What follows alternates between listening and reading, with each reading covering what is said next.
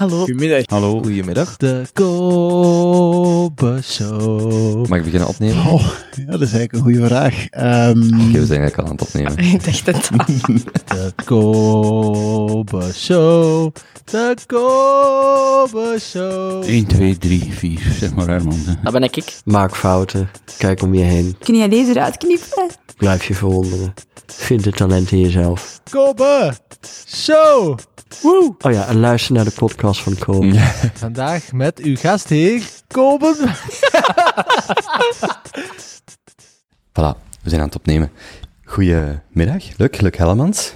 Goedemiddag, Kobe. Ik, ehm, eh, we kwamen, of onze paden kruisten. Ik zei het u net voordat we begonnen op te nemen, als eh, iemand die een viertal jaar geleden naar Antwerpen verhuisd is, en vooral naar voren kijkt wat betreft uh, Oosterweel, um, ben ik heel blij en enthousiast om, om, om met u te praten. Um, maar dus in eerste instantie dank u wel om, om tot hier te komen. Het is, het is niet zo ver, het valt wel mee. Well, het was 18 minuten stappen, dus dat viel goed Hmm. mee. Hmm. Ik, um, ik, denk, uiteraard, u, u zit hier ook in de hoedanigheid als uh, CEO van Landis. En daar gaan we sowieso over praten, maar ook in de hoedanigheid als Luc Hellemans. En ik wou misschien daar beginnen. Um, kan, u, kan u uw carrière schetsen die in de zin, of, misschien een functie van, hoe dat u vandaag tot CEO bij Landis bent gekomen en, en wat dat daar instrumenteel in was? Ik zal het proberen heel kort en bondig te doen, uh, om de luisteraar niet te vervelen. Um, eigenlijk was ik net zoals heel veel uh, tieners, uh, wist ik niet goed wat ik met mijn leven wou doen. Als ik een 18, 19 jaar was, zesde middelbaar, dan ben ik uh, ja, een beetje vanuit het luisteren naar de ouders in een ingenieursfunctie, ingenieursopleiding gerold.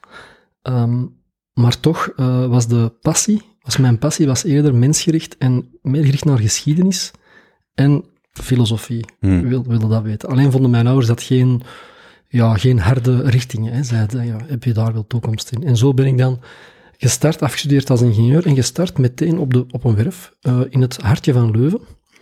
Um, de studentenbuurt, uh, de, de, oude historische buurt aan het Begijnhof, waar hele grote collectorwerken uh, plaatsvonden. Van, dus er waren reguleringswerken met heel veel speciale technieken. En toen, om een of andere reden, begon ik wel wat gebeten te worden door die techniek, maar vooral door het omgaan met mensen in die omgeving, want je, wer je werkte daar dag in dag uit, in de straten, tussen heel veel mensen.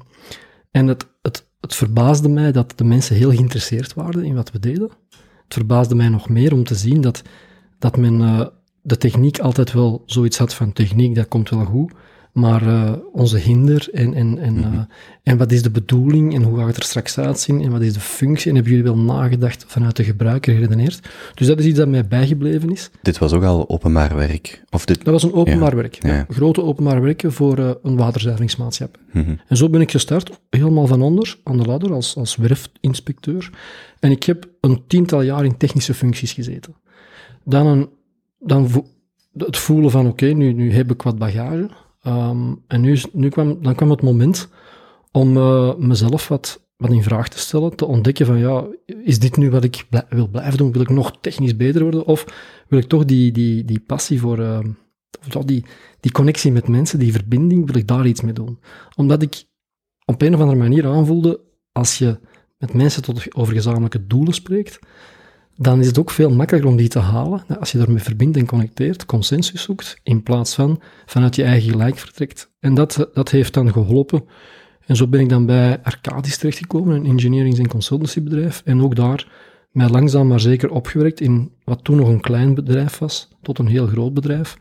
Uh, en dan tot, tot mijn uh, ja, 5, 46 heb ik daar gewerkt. De laatste zes jaar als CEO van uh, Zuid-Europa. Dat is België, Italië, Frankrijk en, en, en Spanje. Waren dat ook voornamelijk uh, openbare werken?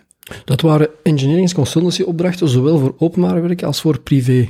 Mm. Uh, dus voor multinationals werken of voor uh, grote bedrijven, energietransitie, milieu. Dat kon eigenlijk in, in, verschillende domeinen zijn, dus heel breed, samenlevingsproblemen. En de tagline van dat bedrijf was, als ik er kwam, improving the quality of life. Mm. En ik, ik, ik had zoiets van, ja, met die studies die wij doen, de, de consultancy die wij doen, daar hebben wij wel een bijdrage, maar die is onrechtstreeks. En dan heeft uh, Antwerpen mijn pad gekruist twee keer. Eerst in uh, 2000, 2001 bij datzelfde bedrijf. bij Arcadis toen nog. Werkt u vanuit België? Zat u in het buitenland? Ik heb eh, een, eh, een drietal jaar veel gependeld. Eh, dus ik heb altijd wel in België blijven wonen met mijn gezin. Maar ik zat eh, toch, ja, ik denk dat ik toch gemiddeld een 80 à 90 dagen per jaar in het buitenland zat. Hmm. Heel vaak in Parijs. Ehm, da- daar zat ik eigenlijk het meest. Eh, Frankrijk was, hadden wij een grote operatie. En dan heel veel pendelen. Eh, ik heb daarnaast nog een tijdje echt in, in Roemenië gezeten. Dus echt ja, een beetje een globetrotter geweest. maar vooral in Europa. Ehm, maar gemiddeld toch een derde van mijn tijd buitenland moet je... ne- Ja, ik denk dat mijn werktijd een derde buitenland toch durende zes, zeven jaar al een stuk.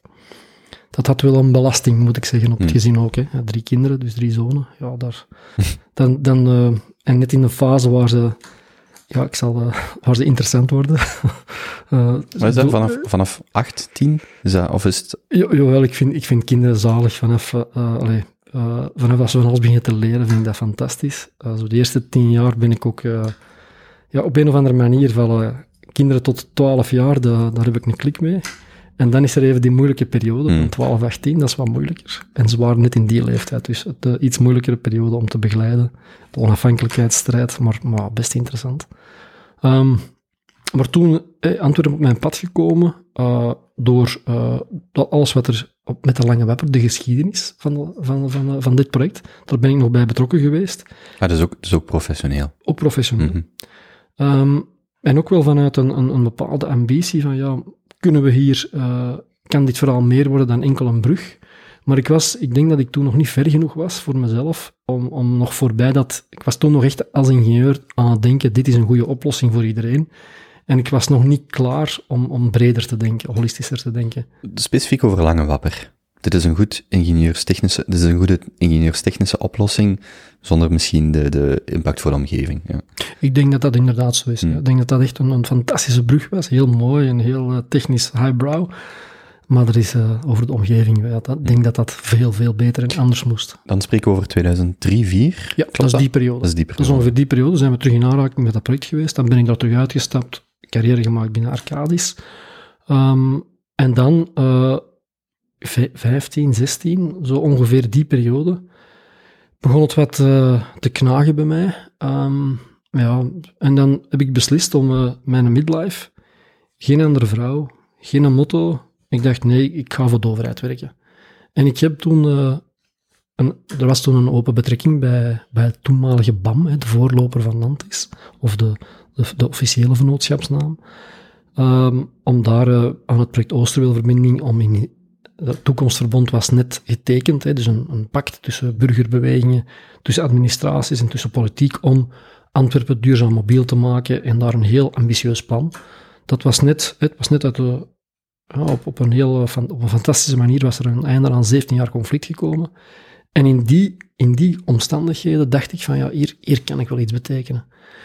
En dan ben ik spontaan, dus mijn, mijn mooie CEO-positie afgestaan. eh, en ben ik daar eerst gestart als operationeel directeur. eh, om het technisch mee te gaan, om het technisch, maar vooral die, het open te trekken. En binnen dat ambitieus kader Oosterweel te hervormen tot wat ik aan vandaag noem van een bouwproject tot een eh, welvaart- en welzijnsopgave. Dit is 2017, het, het toekomstverband. Dat is 17. Mhm. En voor mijn begrip, in welke, als procentueel, hoeveel is Oosterweel van Landis? Grosso modo, hoeveel valt nog onder de activiteiten van Landis, behalve Oosterweel? Om, om te kunnen schetsen, als u zegt, ik kom daar voor het Oosterweel-dossier, of dat is hetgene wat mij aantrekt, is dat dan eh, 80%, 90%, 100%? Ja, ik denk, ik denk dat, dat is destijds opgericht voor het Maasplan Antwerpen, later dan getransformeerd naar Landis. En Landis is de bouwmaatschappij om Oosterweel, een soort van managementvernootschap die Oosterweel moet doen bouwen. En die daarnaast een loyale partner in het toekomstverbond om dat mee te bewerkstelligen. Want Oosterweel is maar één schakel in dat toekomstpact voor een duurzame mobiliteit te krijgen. Alleen is Oosterweel, als je dat puur beschouwt als een, als een, als een project in, in zijn eerste laag de ring rondmaken, dat was het vroeger. Ja, vandaag gaat het echt over, we willen de leefkwaliteit verbeteren, we gaan een aantal overkappingen integreren, dus de, de stad meer ruimte geven, lucht, licht en, eh, en groen.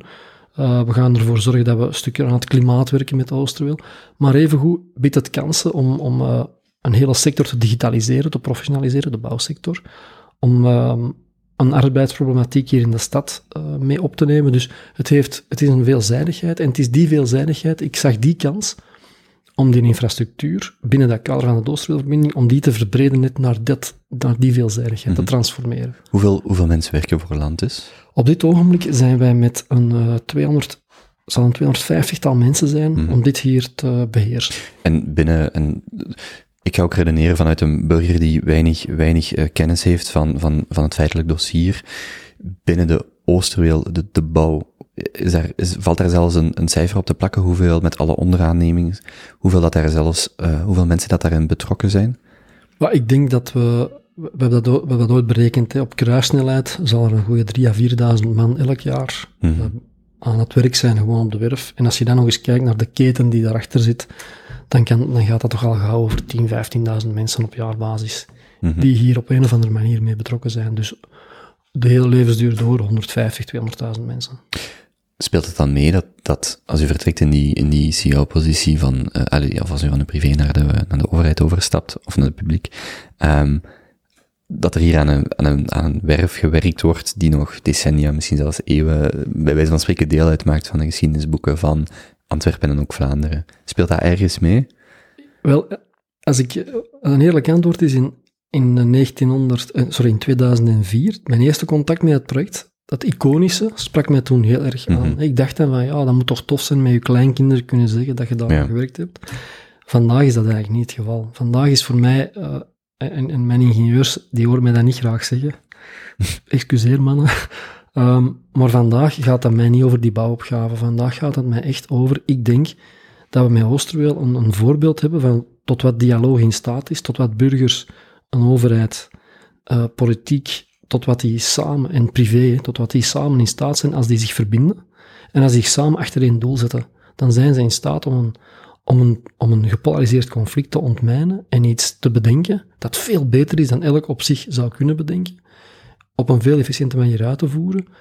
En dan kunnen zij echt wel ja, een stukje van de wereld beter maken. En dat is mijn drijfveer. En dat is waar ik... Ik hoop echt dat we met dit project een- een Oosterweel-oplossing... Je hebt het... eh, ik, ik denk dat... eh, was het geen bischop die het voor een week of twee geleden gezegd heeft? We moeten misschien een Oosterweel-oplossing bedenken voor eh, een problematiek hier in de kerk. Dus je- voelt vandaag is een Oosterweel-oplossing, hoe negatief het ook gepercipieerd wordt in het verleden. Vandaag denkt men dan aan dialoog opzoeken, met elkaar de verbinding zoeken, een gezamenlijk doel definiëren, en er samen voor gaan en echt luisteren en het ook samen tot stand brengen. Want wij werken nog steeds elke dag, eh, met die corona is het wat moeilijker geweest, maar elke dag zijn we nog steeds in nauw contact met al onze stakeholders. En dat betekent dat ook de burgerbeweging nog steeds echt wel hun zeg hebben in hoe wij de dingen doen. En dat hoort zo te zijn. Misschien een, een, een, het eerst iets breder trekken, om, omdat ik las ook in, de, in, in eh, het werk dat jullie gepubliceerd hebben daar rond. De perceptie leeft, ook bij mijzelf, dat Oosterweel eigenlijk een Antwerps probleem is, of een Antwerpse oplossing, of een, Antwerps, eh, een Antwerpse werf.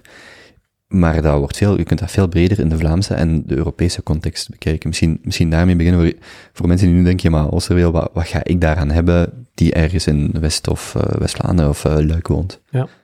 Ik, ik denk, moest, als je het eerst vanuit mobiliteit bekijkt, perspectief, Vlaanderen, een, corridor van transport, een grote haven hier in de, in de nabijheid, die op een efficiënte manier haar trafiek naar het hinterland moet brengen, of zelfs doorverbinden naar Europa, dan besef je dat dat transportsysteem, een gesloten ring daarin hebben, excuses, ik ga even iets drinken, Doe maar. dan besef je dat, dat, dat die, eh, die grote infrastructuren die we hebben, dat die hun belang spelen in die, in die, ja, in die logistieke draaischijf die Vlaanderen als ambitie eh, heeft. Hè. Dus dat is, dat, is, dat is belangrijk. De haven van Antwerpen zelf, dat die bereikbaar blijft, via verschillende modi. Dat hoeft niet alleen de auto te zijn of de vrachtwagen, maar even goed andere modi. Evenwichtig, maar dan snap je dat, dat, die, dat die functie van die ring rond Antwerpen, die rondmaken, het creëren van een extra Scheldeverbinding, dat dat er toch wel gaat voor zorgen dat de tewerkstelling van een miljoen mensen geïmpacteerd wordt in een positieve manier. Dus Wacht, was, was dat ook initieel de redenering achter de Lange Wapperbrug? Ja, Omdat, een, om, de- een derde Scheldeverbinding, Ja. Ab- absoluut. Hè. Dus je had een, je had een, eh, je had een tunnel, die moest, je- dat dat is de, de Scheldetunnel, dat is de derde Scheldeverbinding, en dan heb je de aansluiting op de viaduct van Merksem, en dat gebeurde destijds dan met een lange Wapperbrug, Mhm. Eh, om dat aan te sluiten. En nu ziet het er iets anders uit. is het dan te kort door de bocht om te stellen dat initieel het eigenlijk ging over de verbinding van de haven met Vlaanderen, met, met, met ehm, Vlaanderen met Europa, om die te verbinden, dat dat misschien de primaire drijfveer was, de economische drijfveer. De economische logistieke drijfveer, hè, dat was eigenlijk het eerste van, we hebben hier een groot mobiliteitsprobleem, daardoor zou de stad kunnen ontvolken, gaat de leefbaarheid van de stad naar beneden, want je krijgt heel veel stilstand in verkeer, veel uitlaatgassen. Mhm. De haven wordt onbereikbaar, dus de haven gaat, gaat misschien heroriënteren of niet meer bedrijven kunnen aantrekken. Oei, dat is een, een welvaartsprobleem. Hè? Dus een, een, maar dan vooral toch eh, vanuit mobiliteit als, als, als trigger, als, ja, ik zou het noem, bijna noemen de, de, de oorzaak. En als we die oorzaak eraan kunnen werken, dan kunnen we de gevolgen beheersen en onze stad leefbaar houden, of tenminste bereikbaar houden. Hè? Maar het was vooral vanuit mobiliteit eh, uitgegaan en vanuit economie geredeneerd. En daar is natuurlijk heel wat aan toe. aan- in de loop der tijd zijn we gelukkig geëvolueerd dat het vandaag over veel meer gaat. Mhm. Dus, dat is, dus dat, is, dat is een eerste perspectief van wat heeft de Vlaming daaraan. Een tweede perspectief is natuurlijk lasten en lusten. Als de Vlaming zoveel last, lusten heeft van het project, wie heeft dan vandaag de lasten? Ja, dat zijn garmen die Antwerpenaars die in die ringzone wonen. Hè. Het, het klopt ook dat in de ringzone vandaag, hè, na de werken, zal de, leef, de luchtkwaliteit van 350.000 mensen verbeteren. Verbeteren binnen de Europese normen. Vandaag hebben wij overschrijdingen van luchtkwaliteit. Wij hebben 60.000 Antwerpenaars, eh, of ingeweken Antwerpenaars, wonen langs de ringzone die, die in slechte lucht leven. Die, die echt eh, ja, ziektes hebben, hè, die, die, die daardoor door, eh, door ziek worden. Dus dat project, dat draagt, geeft daar een bijdrage, dat, gaat zorgen dat de lusten en de lasten beter verspreid, gespreid worden. Het overkappen, de stad buiten haar oevers laten treden, betekent eigenlijk dat je de stad een bepaald... Dat is dan wel voor de stad, hè, waar je de stad iets teruggeeft eh, voor, voor, eh, voor die haven die, waar zij in, in een soort van ambiguë relatie mee moet leven. Hmm. Eh, maar, maar als je dan verder kijkt, dan moet je ook kijken naar hetgeen tot stand gebracht is met de Oosterweel, die, die, die oplossing op zich, die is natuurlijk kopieerbaar. Je, je, kan, je kan dit soort van oplossingen gebruiken voor complexe problematieken. Dus ook daar heb je een voordeel dat je kan, eh, kan opschalen. Dus niet louter de bouwwerf, dus sorry, niet louter eh, het, eh, hoe dat het tot stand is gekomen met burgerparticipatie en dergelijke, maar ook de werf zelf, de, de concrete fysieke oplossing. De, de, de werf aan zich, die zal, daar zullen een aantal technieken geprobeerd worden. De werf is zo groot, is zo complex, Mhm. Dat er heel wat technologie ehm, gaat moeten ontwikkeld worden, speciaal voor deze werf. Ja, dat was eigenlijk een volgende vraag die ik had bij, die, bij veel van die grote bouwprojecten. En tegenwoordig kijken wij vooral, als we iets van, van Musk zien, dat je denkt, oké, daar komt heel veel technologie voor. Maar eigenlijk in onze eigen achtertuin, wat dit betreft, voor zo'n project, wil ik nog vragen dat de technologische innovatie die daarvoor nodig is, überhaupt om, om, om dat ook te, te werk te stellen. Wij, wij kunnen het project eh, niet beheersen als we niet volop op eh, digitalisatie en technologie inzetten. Dat is onmogelijk. Je krijgt dat zelfs niet, je krijgt dat zelfs niet gemanaged. Wat betekent dat dan? Dat, als je dat heel concreet ziet, dan betekent dat we tijdens de uitvoering straks, dat we, dat om te beginnen, is alles in een, en dat klinkt heel eenvoudig, in een eh, 3D-model gegoten. Dat is een, een Building Information Model. Hè. Dat is eigenlijk al onze bouwtekenen zijn in een soort van dig- digitale twin gebracht. Een, nabootsing van de realiteit op de computer Mhm. waardoor we het project kunnen virtueel bouwen. Dus wij bouwen dit project tien keer alvorens we het in het echt bouwen. En waarom doen we dat? Om te vermijden dat we tijdens het bouwen iets over het hoofd zien. Eens de onderdelen op de werf geleverd zijn, eens men begint, en men doet daar iets verkeerd, dan kost u dat heel veel geld. En in dit geval, hier moeten nog steeds elke week 1 miljoen mensen blijven passeren, Hmm. terwijl wij bouwen. Wij, binnen drie jaar breken wij de helft van de viaduct van Merksem af. Ja, dan kunt u dat bijna niet voorstellen, maar we gaan die afbreken. Dus en dat, dat, dat moet van de eerste keer juist zijn. We kunnen ons daar geen fouten veroorloven. Dus dat virtuaal simuleren, dus wij bouwen virtueel eigenlijk alles. En wij kunnen dus ook de hinders simuleren. Wij kunnen, eh, en dat, dat is in real time, in realiteit, met, met reële gegevens. En wij kunnen daar parameters aan koppelen. En die technologie is dan ook handig voor, voor andere grote bouwwerken. Die kan je voor andere grote bouwwerken gebruiken, maar die kan je ook, je kan dit ook uitbreiden. Je kan die voor je stadsplanning, digital twin technologie kan je voor stadsplanning gebruiken. Je kan eh, simulaties maken van wat, stel dat we alle verkeerslichten in een stad, dat die altijd op groen springen als er een hulpdienst komt. Wat is de impact? Hm. Eh, zulke simulaties kan je doen. Als, ja, als buitenstaander weer, hoe, hoe goed is dan die technologie of hoe belangrijk is dan die investering in die technologie? Bijvoorbeeld de situatie van verkeerslichten is een, iemand, is een situatie waar iedereen zich in herkent, denk ik. Ik kan, er, ik kan mij voorstellen dat er al bestaande technologie voor is, maar dankzij de investeringen, dit soort, in die visualisering, in die 3D-visualisering, dat daar, dat dat dan een factor 2, 3, 5, ik weet het niet, beter is. zodat dat ook terugstroomt naar, naar dat soort situaties. Wat, wat je hier krijgt is, wij, wij hebben een uh, enorm, door het efficiënt te gebruiken van technologie tijdens het bouwen, vermijden we onwaarschijnlijk veel faalkosten. Dus heel rechtstreeks. Dus wij, Mm. wij schatten dat we tussen de 5 en 8 procent faalkosten tijdens het bouwen vermijden. 5 8 procent van in totaal. Als je alles bijentelt 4 miljard. Ja, dat is al, daar kunnen we al een paar ziekenhuizen mee zitten, hè, om, om, om maar iets te zeggen. En die technologie is re- reproduceerbaar.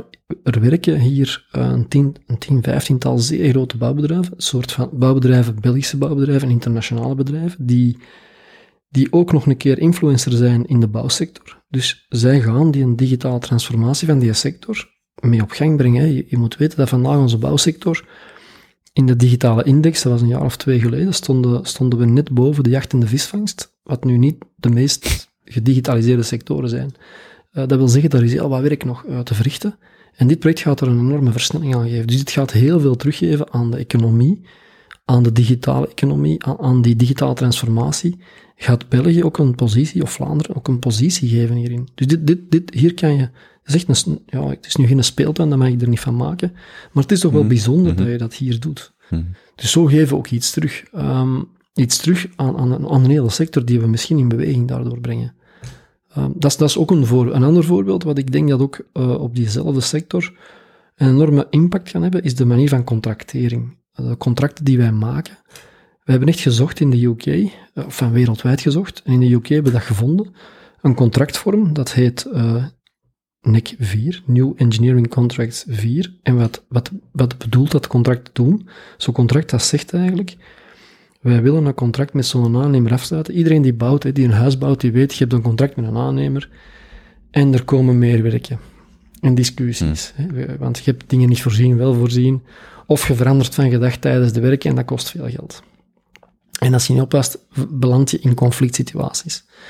Contracten vandaag, hè, als, zeker als zo'n laagste prijs wordt weggegeven, en dat is de praktijk vandaag in, in Vlaanderen, in België, dan is dat toch wel een issue. Dit soort van contract, dat zegt eigenlijk, we gaan marktconform samen een prijs bepalen voor wat die werf mag kosten. En dan, dat, door, door alle processen die in dat contract geactiveerd worden, gaan we gezamenlijk belang inschrijven. We zorgen ervoor dat we telkens een gezamenlijk belang hebben om de prijs binnen bepaalde limieten te houden. Dit contract kan heel veel wijzigingen aan, dus we kunnen gerust flexibel, tien jaar is een lange bouwtijd, mm. dat project moet zich kunnen, gaat misschien nog wel wat wijzigen op sommige punten, ja, die moet je kunnen integreren contract laat dat ook toe. Een hele faire risicoverdeling. 40 meter diep gaan, wie weet wat we gaan aantreffen. Je kan moeilijk tegen de aannemer zeggen, dat is uw risico, trekt uw plan. Mm -hmm. ja, dat is een bron van conflict vanaf dag één. Dus we, we denken dat onze doelstellingen die we samen hebben, gezamenlijke doelen, met een aangepaste contractvorm, een faire manier van samenwerken, kan ertoe leiden dat je ander gedrag krijgt. De bouwsector vandaag is een sector waar veel mensen helaas in burn-out geraken, omdat het zoveel, die prijsdruk is enorm, die, die, die, die spanning om elkaar is enorm. Het is echt een conflictmodel. Wij hopen dat we hier ook dat model kunnen veranderen. Dat we op het grootste project laten zien dat een ander model mogelijk is en vooral veel efficiënter is. En daardoor misschien ook bij alle andere opdrachtgevers in heel Vlaanderen, in België en misschien zelfs verder een impact kunnen hebben. Een van die dingen die ik ook las, Vlamingen hebben het misschien nog moeilijk met de fierheid of met het, te zien wat dat, wat dat project is, terwijl in het buitenland, als u het zou gaan presenteren, of als ja. het gepresenteerd wordt, dat mensen zeggen, mij, wat zijn dan de dingen die wij typisch hier aan missen? Misschien heeft dat er ook mee te maken dat wij effectief in de file gaan staan, tijdens de werken bijvoorbeeld. Zal er misschien mee te en, maken En die buitenlanders waarschijnlijk niet, dus eh, er is wat minder skin in the game, maar, maar toch. Nochtans, zelfs de Nederlanders zijn er trots op, hè, dus, en mm. die staan toch in de file hier. Um, nee, ik, ik, denk dat uh, het is dat is meer vanuit mijn, uh, mijn vorige werkervaring. Ik heb heel veel in het buitenland uh, gezeten. Ik zeg het, een derde van mijn tijd gedurende een jaar of zeven. Veel uh, heel grote projecten daar gedaan. Ik heb de Metro de Grand Paris heb ik ook mee aan, aan de beginfase gestaan. Ring rond Warschau heb ik mee aan gewerkt. Een aantal autostrades in, in Oost-Europa.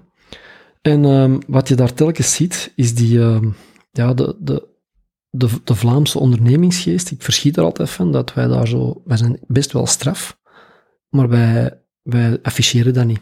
En we zijn zeker niet fier over iets dat, van, dat in ons eigen land gebeurt. Hoe ziet je bijvoorbeeld die Vlaamse ondernemingsgeest? ik vind dat wij heel pragmatisch kunnen zijn, heel, ma- heel, heel makkelijk bereid zijn om eh, ons eigen gelijk opzij te zetten en naar een consensus te Hmm. zoeken. Ik vind dat we daar echt, echt heel goed in zijn. Heel oplossingsgericht, zeer oplossingsgericht. We hebben ook een soort van dadendrang. Eh, we zijn misschien niet de beste in processen en procedures, dat is dan nog iets. Hè. We lopen er wat de kantjes af, zou je kunnen zeggen.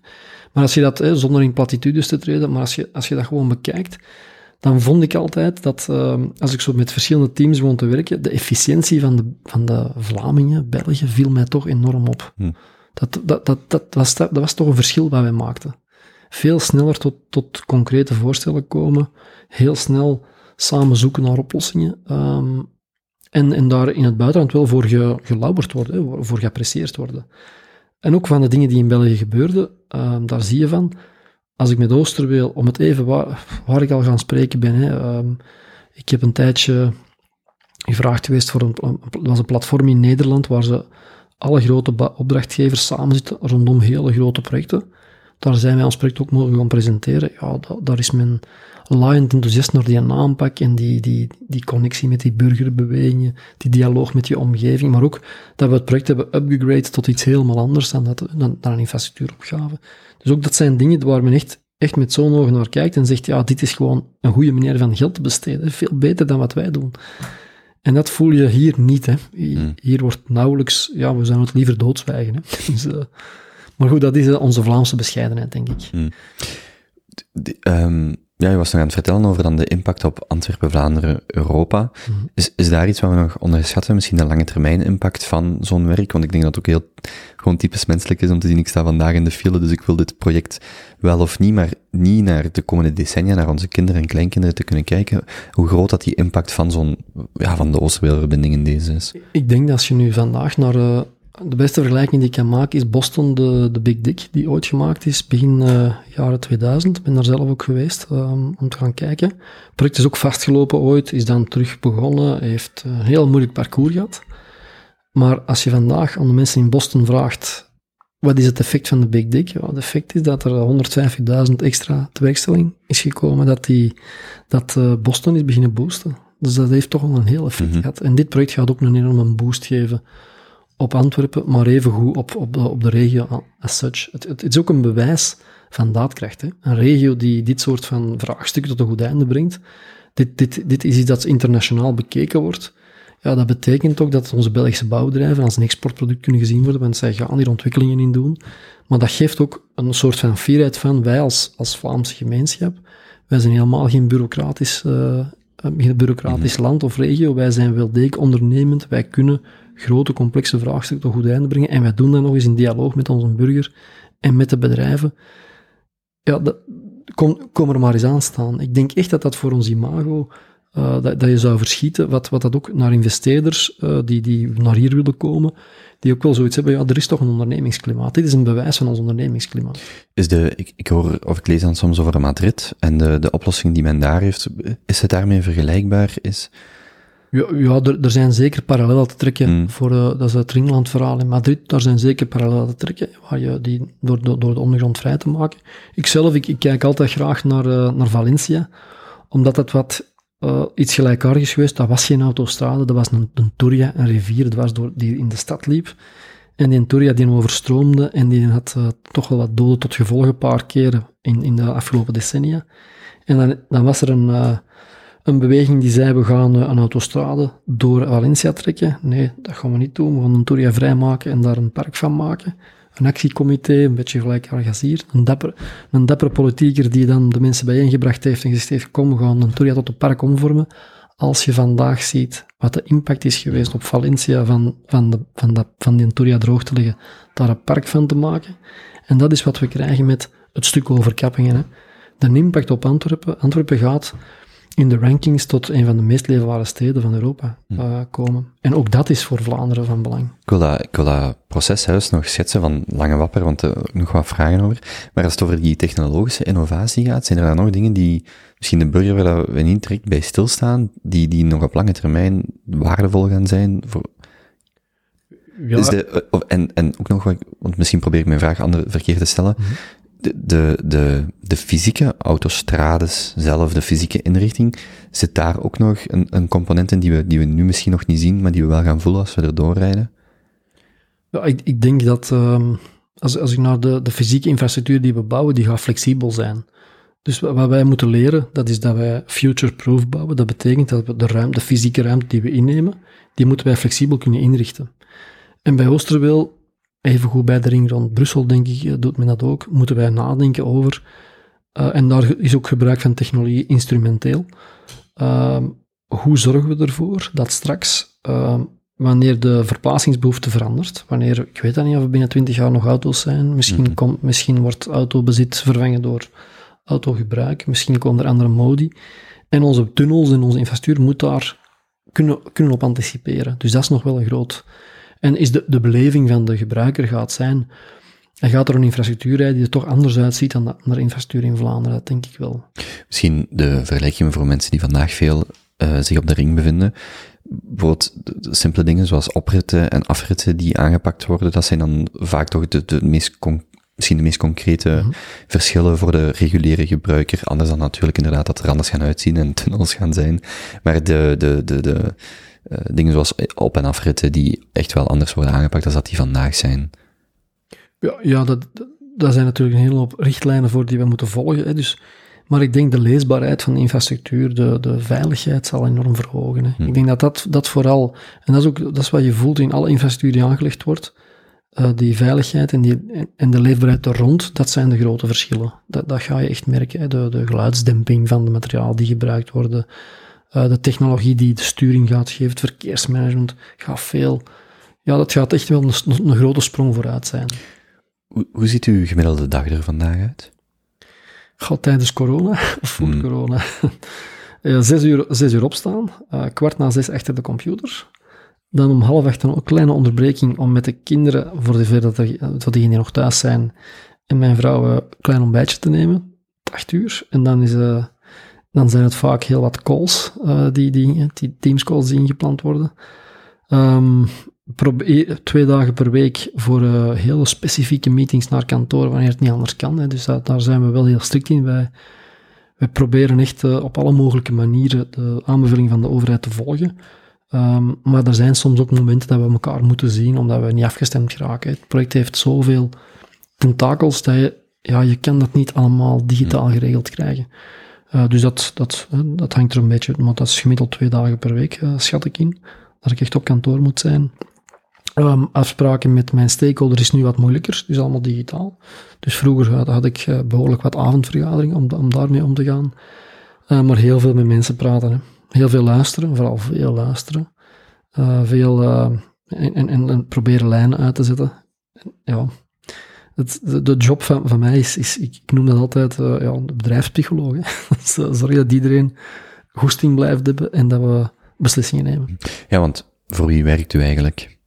Als in, dat, ik, ik, kan ik, bedoel het niet zo plat, maar wel, dat is eigenlijk een fundamentelere vraag in de rol die u, die u aanneemt als CEO van land. Is van voor, voor, ik doe het niet louter voor de opdrachtgever, ik doe het niet louter voor mijn medewerkers, neem ik aan, ik doe het ook niet louter voor de burger, maar dat dat een, fluide rol is, of een rol die zich ook anders kan zetten, afhankelijk van ook wat de situatie is, of op tien jaar, hoe dat, dat, hoe dat dan gaat- of vijftien jaar, hoe dat, dat gaat evolueren.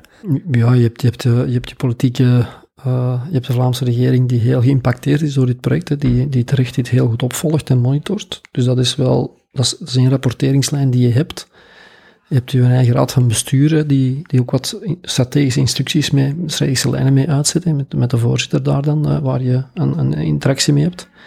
Maar evengoed, eh, dus daar leg je verantwoording aan. Maar ik heb, ja, ik, ik zeg het, ik heb honderden stakeholders waar ik elke dag verantwoording moet aan afleggen. Dus, dus ik, ik kijk eigenlijk heel dikwijls in de spiegel en zeg van ja, ik, ik werk eigenlijk voor, eh, voor ons allemaal. Dus, dat, dat, eh, een echt een opdrachtgever. De opdrachtgever is hier echt wel de maatschappij, wat mij betreft. Hmm. Dat is, dus zo zie ik dat echt. En, en dat betekent ook soms tegen de, tegen de eigen raad van bestuur of tegen de wil van een aantal mensen echt durven zeggen, ja maar we moeten daar echt het eigen gelijk loslaten, eventjes omhoog trekken, eens kijken hoe we, hoe we toch samen terug de juiste dingen doen. Ehm, Ik had misschien moeten vragen hoe oud u bent, maar in principe is het nog tot aan u, komt uw pensioen mogelijk in, in gevaar voor de oplevering van Oosterweel? Nee, ik ga ervan uit dat wij op tien jaar de klus klaren. Hè? Dus, Mhm. eh, dus dan ben- heb ik nog, nog tijd om nog wat dingen te doen. Oké, oké. Want de tijdslijn ligt nu, ik, ik had hem daar straks in een brochure gezien, 2030 is in principe dan de, de einddeadline. Ja, dat klopt. 2030 hebben wij vandaag eh, vastgezet voor onszelf, omdat we ook echt willen. ehm, dat is een ambitieuze deadline. Ik ga daar niet, niet flauw over doen, hè, maar een haalbare deadline. Hè. Dus het is, eh, het is absoluut zo, alles is erop ingericht om 2030 te halen. Dat getal is niet uit de lucht gegrepen, dat is helemaal geanalyseerd. Ehm, en dat helpt ons ook. Hè. Dat helpt ons ook omdat we, als we 2030 als perspectief nemen, dan nemen we vandaag beslissingen in functie van 2030. En dat, dat helpt je om, om, dat, om jezelf niet onder druk te zetten, maar om de juiste dingen te doen. Want dat is het grootste gevaar met zo'n project van deze omvang. Er zijn zoveel side dishes. Dus werven, die werf is, voor mensen is dat één project, maar dat zijn honderden werven die wij hebben. Eén werf van ons is het grondverzet. Ik ga je dat als voorbeeld geven, ik dat wel een interessant voorbeeld vind. Wij moeten 54 miljoen kuub grond eh, tijdens de werken verplaatsen. 54 miljoen kuub, dat zegt u niks. Dat, dat zegt niks. Hè. Ehm, 14 miljoen van die 54 miljoen kuub, en dan gaat u wat meer zeggen. Veert- 14 miljoen moeten we afvoeren buiten de projectzone. Dus moeten we ergens naartoe proberen te brengen. Dus herbruiken in bermen, herbruiken om een stort te saneren. Dus wij zijn op zoek, op zoek naar 14 miljoen kuub onderdak te geven. Wacht, dus dat is 14 miljoen die jullie gaan opgraven, die weg moet. Die weg moet. Hè? ja. En, die, en we hebben 54 miljoen kuub in totaal, dat moet opgegraven worden. 14 miljoen teruggestoken en 14 miljoen moet weg. 14 miljoen kuub, en moet je dat voorstellen, wat is dat? Dat is het heel het grondgebied van de stad Antwerpen 1 meter ophogen. Dat is 14 miljoen kuub. Wat is dat nog? Vrachtwagens van Lissabon tot eh, in Lapland, volgeladen met zand. Hmm. Dat is ook 14 miljoen kuub. Om, om een gevoel te krijgen van, van, van over wat spreek je nu. Dus dat alleen al is voor ons een project waar we vandaag eh, aan het kijken zijn. Is er zand dat we kunnen gebruiken om te helpen om de dijken te verstevigen van de zee? Of om de stranden te beveiligen? Is er zand dat we kunnen gebruiken, dus propere grond, om een aantal saneringsplaatsen eh, mee, mee te helpen bij sanering? Zo hebben we in Rumsten een locatie, zo hebben, zijn we, hebben we nog een aantal locaties in het vizier. Moeten we, kunnen we ergens eh, oude klei- of grindputten vullen met zand, waardoor we opnieuw eh, daar recreatiegebied kunnen maken. Dus er wordt nagedacht over Mhm. hoe gaan we dat op een efficiënte manier. Maar dat project alleen al is een gigantisch project. En dat is aan een van die 100 Dat of zo, 100. ja, dat is zo eentje. Een ander is het werkstellingsproject, hè, waar we proberen samen met de stad en met de VDAB, en, dus, en met de Vlaamse partners, eh, mensen naar Oosterweel te krijgen. Eigenlijk, eigenlijk is dat niet het, de, het is niet naar. Onze bedoeling is eigenlijk dat we duizend inactieven terugactiveren. Men, duizend mensen per jaar die het moeilijk hebben op de arbeidsmarkt, die, die om een of andere reden een opleiding hebben kunnen voltooien, of die tussen het systeem gevallen zijn, die niet helemaal fitten in dat systeem, om die terug competenties aan te leren. En Oosterweel is een soort van magneet, zou een magneet kunnen zijn om zo'n mensen proberen terug toe naar die arbeidsmarkt te leiden en terug dus naar, ja, binnen dat deel te nemen aan de maatschappij. Dus ook een van de side dishes die we hebben, maar die we heel belangrijk vinden. En zo hebben we er, ik zou u hier uren over kunnen vertellen, Mhm. hoeveel van die side dishes die we nog hebben. Is dat ook niet de natuur van grote bouwprojecten, dat het eigenlijk, als buitenstaander kijk je daarnaar en denk je, ja, dat is één groot project, Ehm, maar dat in de realiteit dan bestaat uit tientallen, zo niet honderden bewegende delen, die eigenlijk ieder op zichzelf al, al een, een heel team jarenlang kunnen bezighouden. Absoluut. Dat, grote projecten, dat is zoals een dinosaurus. Hè. Dat moet jij stuk voor stuk opeten. Een Hmm. groot project moet je ook stuk, in stukken delen en proberen die mekken te laten kloppen en, te managen. Maar het enige grote verschil is dat wij hier twee invalshoeken hebben genomen. We hebben een invalshoek dat we zeggen, ja, die, die bouwtechnische opgaven, dat zijn al heel veel projecten. En dat doet, elk traditioneel project doet dat vooral. Je gaat vooral daar naar kijken en deelt dat in, in technisch beheersbare stukken. Maar onze opgave, ons project met de omgeving is eigenlijk even groot. Hetgeen we met de omgeving doen, werken aan de, ja, aan de zorg dat binnen tien jaar er ook een verandering is in ons verplaatsingsgedrag. Dat is ook een werf waar wij onze tanden mee Hmm. inzetten, mee helpen, de overheid helpen om dat waar te maken. Ehm die werkstelling, dat is, dat is een voorbeeld dat ik daarnet gaf, is ook zo een van die werf. Maar evengoed, hoe zorgen we ervoor dat tijdens de werken de buurten ook verbeteren? Want je kan natuurlijk zeggen, buurt, tien jaar geduld en binnen tien jaar is de wereld beter. Nee, je moet, elk jaar moeten wij zorgen dat we een stukje van, dat we die buurt, dat buurtleven in stand houden, verbeteren. Moeten wij nadenken met de stadsontwikkeling over, ja, gentrification. Hè. Ehm, moeilijk woord om te zeggen als, als je niet oplet. Met, de, met, met het project verbeter je omgeving. Maar straks worden misschien de huizen dan in die verbeterde omgevingen onbetaalbaar voor de mensen die er vandaag wonen. En dan verdrijf je die mensen weer terug naar een, een, een slechtere buurt, terwijl, je net, terwijl zij net in de lasten zitten. Hmm. Dus al dat soort van vraagstukken, daar moet je wel mee omgaan. En telkens proberen te koppelen aan een beleid van een stad of een beleid van, van Vlaanderen, of, of met bedrijven een synergie creëren. Dat is wat je moet zoeken. Zijn er, moeten er hier überhaupt onteigeningen gebeuren? Er zijn in uh, voorloop van Oosterweel al wat onteigeningen geweest. Uh, het ging vooral over bedrijven, dus uh, particulieren. Um, zo uit het hoofd kan, ik het mij, mij niet, heb ik het niet zo, niet zo direct in beeld. Wat wel aangeboden wordt door de stad vandaag, door de stad Antwerpen, is er een, een, een bepaalde wijk, ik denk dat dat een Teneco-Vallei is, hè, waar wel wat uh, waar wel mensen dicht bij de hinder zitten gedurende de werken. En er is wel een aanbod van, de stad is bereid om huizen te kopen indien men wenst te verkopen. Dus men heeft een, maar een vrijwillige oproep. Het is niet noodzaak om te onteigenen, maar het is natuurlijk wel een plek waar er mensen hinder gaan hebben. En daar anticiperen we nog te zeggen van, kijk, als je, als je technici zitten, maar wij gaan wel proberen natuurlijk voor het, ook degenen die er blijven wonen, om dat daar optimaal te maken. Hè. In welke mate ligt het nu nog op schema? En dan, ik stel dat vooral ook in functie van het afgelopen jaar. Ik neem aan dat de coronasituatie op die tien jaar uh, wel zal uh, evolueren tot, tot we terug naar een soort van normaal gaan. Maar in het afgelopen jaar, in welke mate levert dat überhaupt vertraging op? Um, ik denk dat 2020, ja, vorig jaar mei 2020 al. Hm. 2020 denk ik dat een, een voor Oosterwel al sinds was het voor de wereld een dramatisch jaar, dan was het voor de rooster wel een, een, een oké jaar. Uh, dat wil zeggen dat zowel naar uh, het, het, volume van werk dat we kunnen verrichten, maar wel door wel wat creativiteit, zijn we gestrand op 250 miljoen euro omzet. Dus omzet op ons projecten. Uh, wat, wat betekent dat we daarmee op schema zitten. Dus wat, Wacht, als, ik heb dus het bedrag van 4,5 miljard als budget op die 10, 15 jaar, of vanaf 2017 in mijn hoofd. Dat is al. En wanneer u zegt 250 miljoen omzet, is dat dan 250 miljoen van die 4,5 miljard? Min of meer, ja. ja. 250 was, was, was gepland om dit jaar te doen, dus in 2020. 2021 is het 400 miljoen euro. Vanaf 2024 uh, gaan we aan 600 miljoen euro per jaar moeten draaien, dus we zijn alles aan het... Uh... Blijft dat zo progressief omhoog gaan? Nee, nee, op een bepaald moment gaat dat afvlakken rond de 600 miljoen. 600, 600. In 26, 27? Vanaf, vanaf uh, ik denk vanaf 4, 25 zit je aan die getallen. Mm -hmm. En dan ga je terug naar beneden. Maar dan, en dan zie je, gaat het wel heel snel.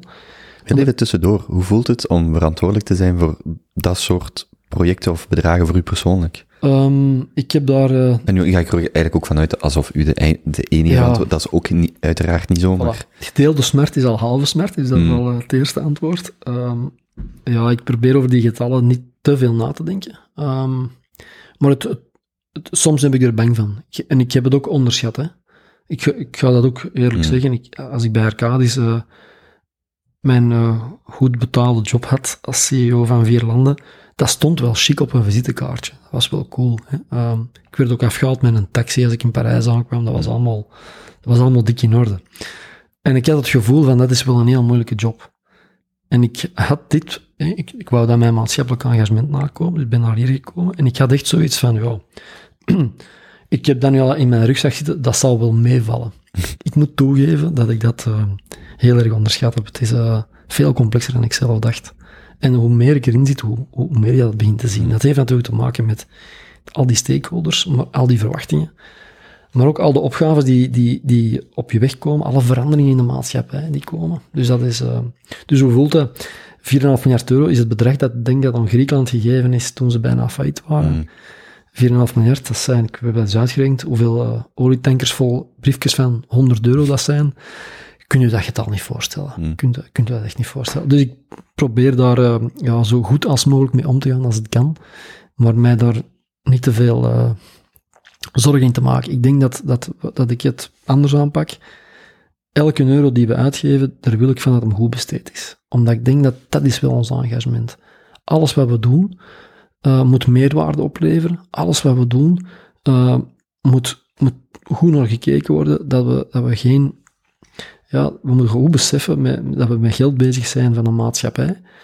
En dat we vandaag, als je kijkt wat corona gedaan heeft met onze maatschappij, als je straks, uh, als je kijkt hoeveel armoede er is, ja, dan moeten we gewoon beseffen, uh, dit project, hoewel het een zelfbedrijvend financieel model heeft, elk miljoen dat we kunnen besparen, kunnen we wel teruggeven aan de maatschappij om iets anders mee te doen. Dus, dus ook dat is wel een engagement. Hmm. Als u het zelf even niet meer weet, bij wie vindt u raad?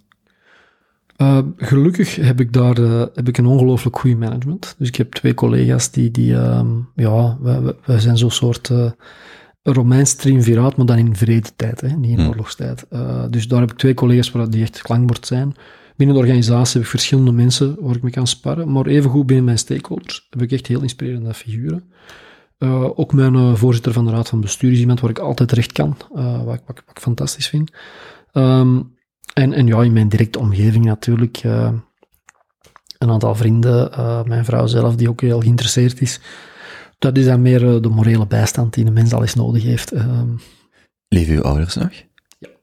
ja. Mijn ouders die, die zijn nog zijn niet meer zo fit. mijn moeder is nog in goede conditie. Mijn vader, jammer genoeg, um, die gaat wat achteruit. En, ik moet toegeven dat het afgelopen jaar heeft, ja, heeft toch wel, er wel zwaar op ingehakt. Mm. dus dat is...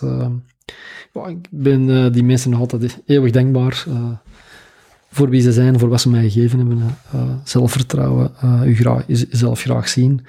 Um, en beseffen dat je niet alleen op de wereld bent. Dat je dat vooral samen met andere dingen moet doen. Dat zijn toch allemaal waarden die ze mij meegegeven hebben van kleins af aan. Um, ja, en ik je beseft natuurlijk dat die er niet altijd zullen zijn. Hè. En dat is wel zoiets, ja, daar dat houdt me wel bezig. Wat was het gesprek met hen toen om, om naar Lantis te komen? Ja, dat, voor hen is politiek, daar hebben ze wat bang van. Dus uh, politiek heeft nu eenmaal, en niet altijd terecht vind ik zelf. Wacht, en het was in uw hoofd wel duidelijk ook een politieke functie. Ja, ik wist ook wel dat, hmm. je natuurlijk met, uh, ja, je werkt met geld van de belastingbetaler, de Vlaamse regering zit in charge, dus je beseft dat politiek hier wel iets over te zeggen heeft. Hè. Dat is onze aandeelhouder, hè. Vlaanderen is onze aandeelhouder, daar werk je voor. Dus dan moet je ook, uh, je werkt ook met de stad, dat is met de administratie, maar even goed met het politieke niveau, de beleidsmakers, dat hoort zo te zijn. En dus je moet wel zorgen dat je daar samen mee door een deur geraakt. Hè? Dat, je de opdracht uitvoert binnen hun kaders en, en, en goed transparant informeert. Ik moet zeggen dat ik daar zelf... Um, dus mijn ouders waren daar wat ongerust over. Hè? Ze, vonden ook van, allee, dat is zo'n mooi parcours, waarom doe je dat nu? Dus dat was zo gemengde gevoelens, maar zoals altijd... Uh, maar jij zult het wel best weten, je zult er wel goed over nagedacht hebben, dus kom aan, doe maar. Hè. Dus dat was, uh, mijn ouders hebben mij, denk ik, in alles wat ik al gedaan heb gesteund, ook in al mijn stommiteiten, altijd gesteund. Dus wat dat betreft is dat wel uh, comfortabel. Hmm.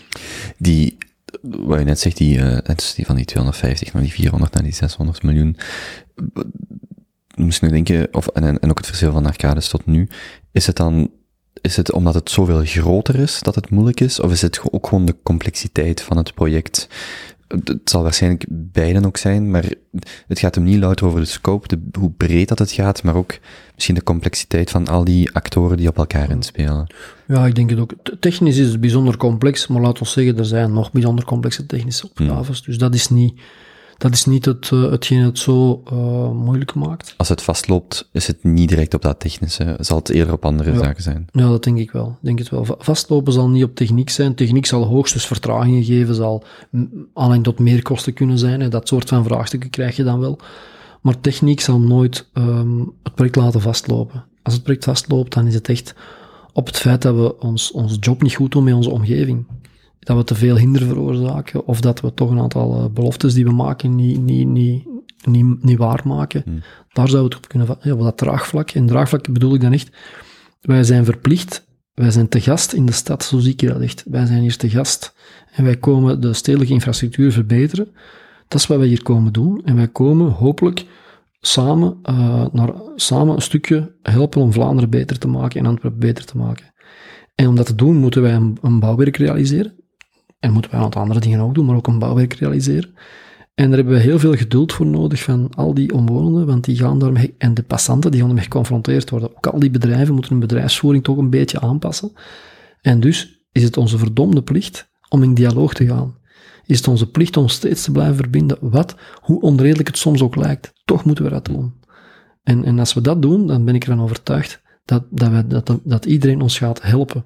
En dat men, dat men gaat inzien uh, en dan gaat men ons, men moet ons terecht onder de loepen nemen en ons challengen, absoluut. Maar ik ben ervan overtuigd dat als je dat open en transparant debat voert, dat je altijd vooruit geraakt. Dat is tot hiertoe altijd al gelukt. Ik zie niet in waarom dat niet zou lukken. dus om terug te gaan naar dat coronajaar ook, er is geen, er is op zich op dit, op dit moment geen vertraging of geen extra of niks wat buiten de Nee, prognose nee. valt. Op dit moment zijn, allee, we hebben eind vorig jaar echt goed afgesloten, vergunning bekomen, dat was ook eh, hetgeen ingepland Was dat de omgevingsvergunning die dan, Ja, ja, ja. dat de, was de eerste schip in de grond, Ja, gelijk in het ja. nieuws kwam? voor Ja. rechteroever dan. Hè. Dat, was, dat was echt, eh, dat stond geprogrammeerd twee jaar geleden al op, op, op vorig jaar, dus dat is gelukt. Eh, we, hadden ook to- we waren overal met één aan één aannemingscombinatie geraken, dus een gunning doen van onze werken, dat is ook gelukt. Eh, we, wilden ervoor zorgen dat met linkeroever echt wel tractie maken, dus eh, op onze verschillende projecten veel progressie die in uitvoering waren, dat is ook gelukt. Dus vorig jaar denk ik echt dat, we, dat mensen, ondanks corona, ja, enorme inspanningen gedaan hebben. Wat ik wel, wat ik dit jaar wel zie, is die moeheid. Ik zie wel moeheid bij velen. Uh, Ik zie dat mensen het echt moeilijk hebben. Dus die, die, die mentale druk, die wordt toch alsmaar groter. En ik voel ook misverstanden. Onbedoeld, maar je hebt, als je elkaar niet kan zien en je enkel op dat scherm, um, soms met 10, 5, een mozaïek van koppetjes soms, ja, dat, niet iedereen is ook, uh, voelt zich ook comfortabel om te spreken in zo'n setting. Je kan ook niet goed zien of iemand het begrepen heeft, niet begrepen heeft. Het is ook niet comfortabel om direct te zeggen, oh, ik weet, snap het niet goed, want je wil ook niet de tijd van de anderen stelen. Dus het is toch veel moeilijker om, om, uh, om die, die coherentie erin te houden. En dat, dat voel ik wel dat dat begint te wegen. En, dat, dus het mag echt wel niet alleen meer duren, of we, verliezen echt wel tractie, denk ik. En dan gaan we wel impact hebben. Hmm. Misschien even teruggaan naar, naar eigenlijk het begin van, uh, van wat vandaag dan de Oosterweelverbinding geworden is. Die lange Wapperbrug, waarom was die voor u uh, technisch of ingenieurstechnisch interessant of een, of een mooi project? Ja, naar, naar, naar brug toe met die, die zeer unieke pijlers, uh, een, een hangbrug.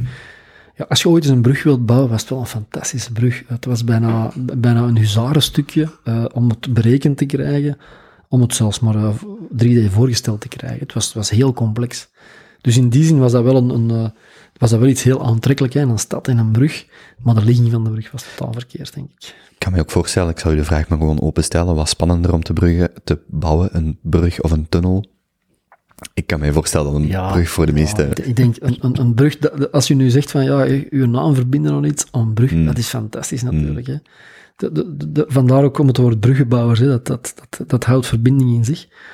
Um, maar ik zeg het, ze lag daar op de, en de keuze, ik weet niet dat u dat, dat weet, hè, maar ik weet nog heel goed als die naam, als 2002, en uh, het communicatiebureau van destijds, was toen nog heel jong, kwam af met de naam Lange Wapper. Ja, ik kende mijn klassiekers, zeg, ja, maar man, je weet toch dat Lange Wapper, dat is de kwelgeest hier in Antwerpen, hè? Dus uh, is dat nu echt wel een goed idee om, om een brug zo te benoemen? Bon, het heeft niet mogen zijn, hè. Dus... Uh, Want ingenieurstechnisch was dat dus gewoon een mooie brug, een mooi voorstel en wel uh, voor ingenieur, voor, de, voor een jonge ingenieur zeker, een heel interessant project.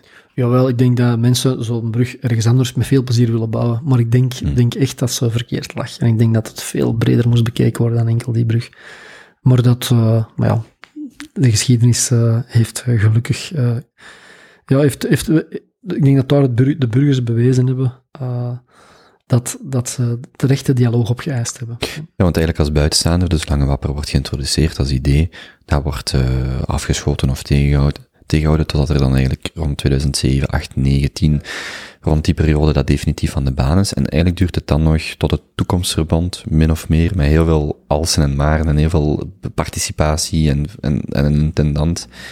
Tot 2017 eigenlijk het, klopt dat dan, dat op dat moment Oosterweel is afgeklopt, behalve dan nog het haventracé, dat is dan, dat is dan nog iets anders als ik het goed volg. Maar eigenlijk is er dan een periode van, een, van lange wapper tot 2017, een, een 10, 15 jaar, dat er vooral is nagedacht over, over het project, en 17 begint dan de uitvoering, min of meer. Ja, ik, ik denk dat er nog steeds toen, hè, voor het toekomstverband, waren nog steeds fundamentele verschillen van de functie van Oosterweel, van, van of, uh, hoe past Oosterweel in een breder mobiliteitsverhaal voor de regio? Is, is er een globale visie? Dus er waren overal kiemen van aanwezig, of, of, of, maar dat was niet samengebracht. Waardoor partijen ook niet konden connecteren op die gezamenlijke doelstelling. We willen samen naar een duurzame mobiliteit in onze regio. Maar die connectie werd, en we willen een leefbare regio, hè, duurzaam leefbaar.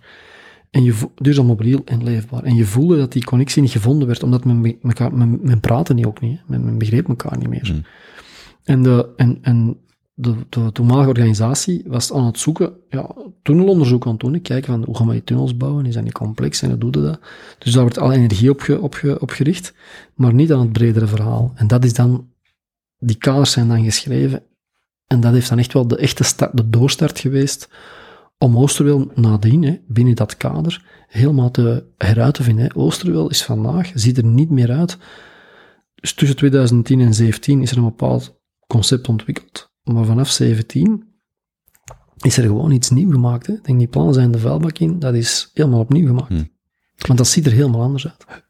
In- welke mate ligt het project nu volledig vast? Als in, is het een plan dat moet uitgevoerd worden? Hoeveel marge zit er nog op wat we vandaag als Oosterweel zien of, of zeggen? Ik denk dat het, eh, als je naar het project zelf kijkt, de onderbouw die ligt quasi vast. Dus daar kan je van zeggen, eh, wat we een vergunning hebben aangevraagd voor de, onder, de onderwereld, noemen we dat dan. Eh, Dus dat zijn de tunnels, Ja. eh, zowel onder de schel, allee, de ja, dat ligt allemaal vast. hè. Daar, daar is weinig marge nog op. Hier en daar kan je, je zal er wel eens nog eens met een afmeting geschoven worden binnen de vergunningscontext, maar daar, daar ligt eigenlijk alles vast. Naar de bovenbouw zijn de ontwerpteams met de intendant nog volop bezig. Dus hebben wij altijd gezegd, wij gaan een bovenbouw in vergunning aanvragen die, die een soort van fallback is. Dus die, die bovenbouw is gebaseerd op die eerdere concepten van de intendant. bovenbouw zijn de, de parken, de, de woonruimte die gecreëerd wordt bovenop de tunnels. De boven, ja, voilà. Zo, inderdaad. Dank u om, eh, ja, wij spreken soms in dat jargon. Dat is. Dus de, de bovenwereld. Hè. Ehm, en en daar, da- daar is nog heel wat marge tot verbetering, tot het beter maken. En, en de, de vergunningscontext laat ook toe vandaag, hè, dat is, eh, in, in de wetgeving is ook toegestaan dat zolang je binnen je kaders blijft, je, je MER en je vergunningkader, aanpassingen ten goede van het project, je moet ze wel terug, ze moeten wel, daar moet een toelating voor gevraagd worden, dat iedereen dat ook weet, openbaarheid van bestuur, eh, dat men ook inspraak heeft, maar verbeteringen moeten telkens kunnen aangebracht worden. Dus daar blijven wij ook, ook voor gaan. Een project dat je in tien jaar ontwikkelt, daar moet je flexibiliteit in bouwen. Bijvoorbeeld een tramlijn die anders getrokken wordt, of een park dat vergroot of Een verkleind fietspad wordt. dat eh, verlegd wordt, een burgerske dat ergens anders gezet wordt, dat kan allemaal nog. Mhm. Nee, nee, daar, en ook een aantal situaties waar we zeggen, ja, daar is toch nog wat verder onderzoek nodig en in de planning is dat niet kritisch op het kritisch pad, ja, dan zijn wij wel bereid om daar terug naar te Mhm. kijken. Dus daar, eh, Zijn er bepaalde, als, als gegeven dat die, dat heel project een mijnenveld is, zijn er dingen die echt wel de grote onduidelijke zijn of grotere vraagtekens? En dan dus misschien opnieuw weer niet het bouwtechnische, want daarvoor zijn de vergunningen er. Maar wat zijn nog de echt moeilijke tussenstappen tussen 21 en, en 30? Dus wa- waar zou het nog op kunnen vastlopen Hmm. hè, met elkaar? Ik, ik denk, ehm, ik denk dat een van de, van de rare dingen om te zeggen, dat is capaciteit. Eh, capaciteit van zowel ingenieurs als van eh, arbeiders, als van machines, als van middelen. Dat is echt een, eh, een, een- in, de, in, de, in laten we zeggen, de logistieke keten en in de supply chain is dat toch nog wel een risico. Wacht, heeft dat met, dat heeft dan niet zozeer met corona te maken, maar vooral met de omvang van het project. Het omvang van het project, het feit dat je 500 miljoen euro per jaar moet, moet gaan omzet draaien, Mhm. Uh, het feit dat je dat goed moet organiseren en goed inrichten. Uh, en men zegt altijd, van dat, ik zeg dat niet, maar dat blijkt uit, uit een aantal uh, studies, projecten van een omvang van 400, 500 miljoen euro, dat is zo de ideale size om, dat goed, om, om een project goed te managen. Wij hebben hier een project dat eigenlijk vele malen groter is. Mhm. Dus naar, naar omvang toe is dat om, om te managen, heb je, als je niet op, oplet, heb je toch wat uh, perverse effecten. Hè. Um, slipband, de diepwandmachines, dat is een bepaalde techniek waar je heel diep uh, grote betonnen wanden moet maken, met tunnels te maken. Dat zijn heel grote kranen. Dat soort van machines, zo zijn er niet zoveel. En, en moesten, en afhankelijk van de planning die wij hebben, was er een scenario waar we 60% van Europese capaciteit nodig hadden op deze werf. Ja, dan voel je dat dat wel eens een probleem zou kunnen zijn. Mhm. Want dan, als er dan de Olympische Spelen van Parijs, Mm. hè, die binnenkort komen, Mm. ja, uh, dan moeten we daar de kraan gewoon weghalen. Dus dat soort van vraagstukken, dat, die logistieke supply chain vraagstukken, die komen nog wel tegen. Ja, dat is zoiets wat in een plan perfect overzichtelijk is. En dan in de realiteit, oei, we hebben 60% capaciteit nodig. Ja, van, verdikke, oeps, ja, Mm. dat, dat, dat, dat, dat hadden we niet aan gedacht. Dus, dat, dus daar, dat zijn wel wat obstakels die we, waar we wel mee omgaan samen met de animingscombinatie. Dus ik heb daar wel een goed oog in dat dat uh, goed gaat, maar het is wel, het, is wel, um, het vraagt toch wel veel uh, naar capaciteit toe. Ik denk, um, de basisvergunning is er, maar eh, wij hebben nog heel wat andere vergunningen te vragen. Dus dat is wat ik daarnet ook zei. Hè. Je, je moet zorgen dat je je dialoog permanent voert. Ehm, en als je permanent in dialoog blijft en, en transparant blijft informeren, dan blijft je draagvlak ook intact. Dan blijf je ook scherp, ga je ook verbeteren. Maar als dat niet zo zou zijn, ja, dan kan er tegen elke nieuwe vergunning kunnen mensen nog steeds objectie maken. hè. Ze kunnen stukken van het werk wel vertragen door te zeggen, hé, daar zijn we niet mee akkoord, dat zien we niet zitten. Dat kan natuurlijk nog. Hè. Dus procedurele of, of Ja. juridische vertragingen. Zo zijn er zeker nog, die, die, dat kunnen we niet uitsluiten. Ik denk, eh, ik ben, ben een heel erg voorstander van de inspraak die, die we hier hebben. En van de openbaarheid van bestuur.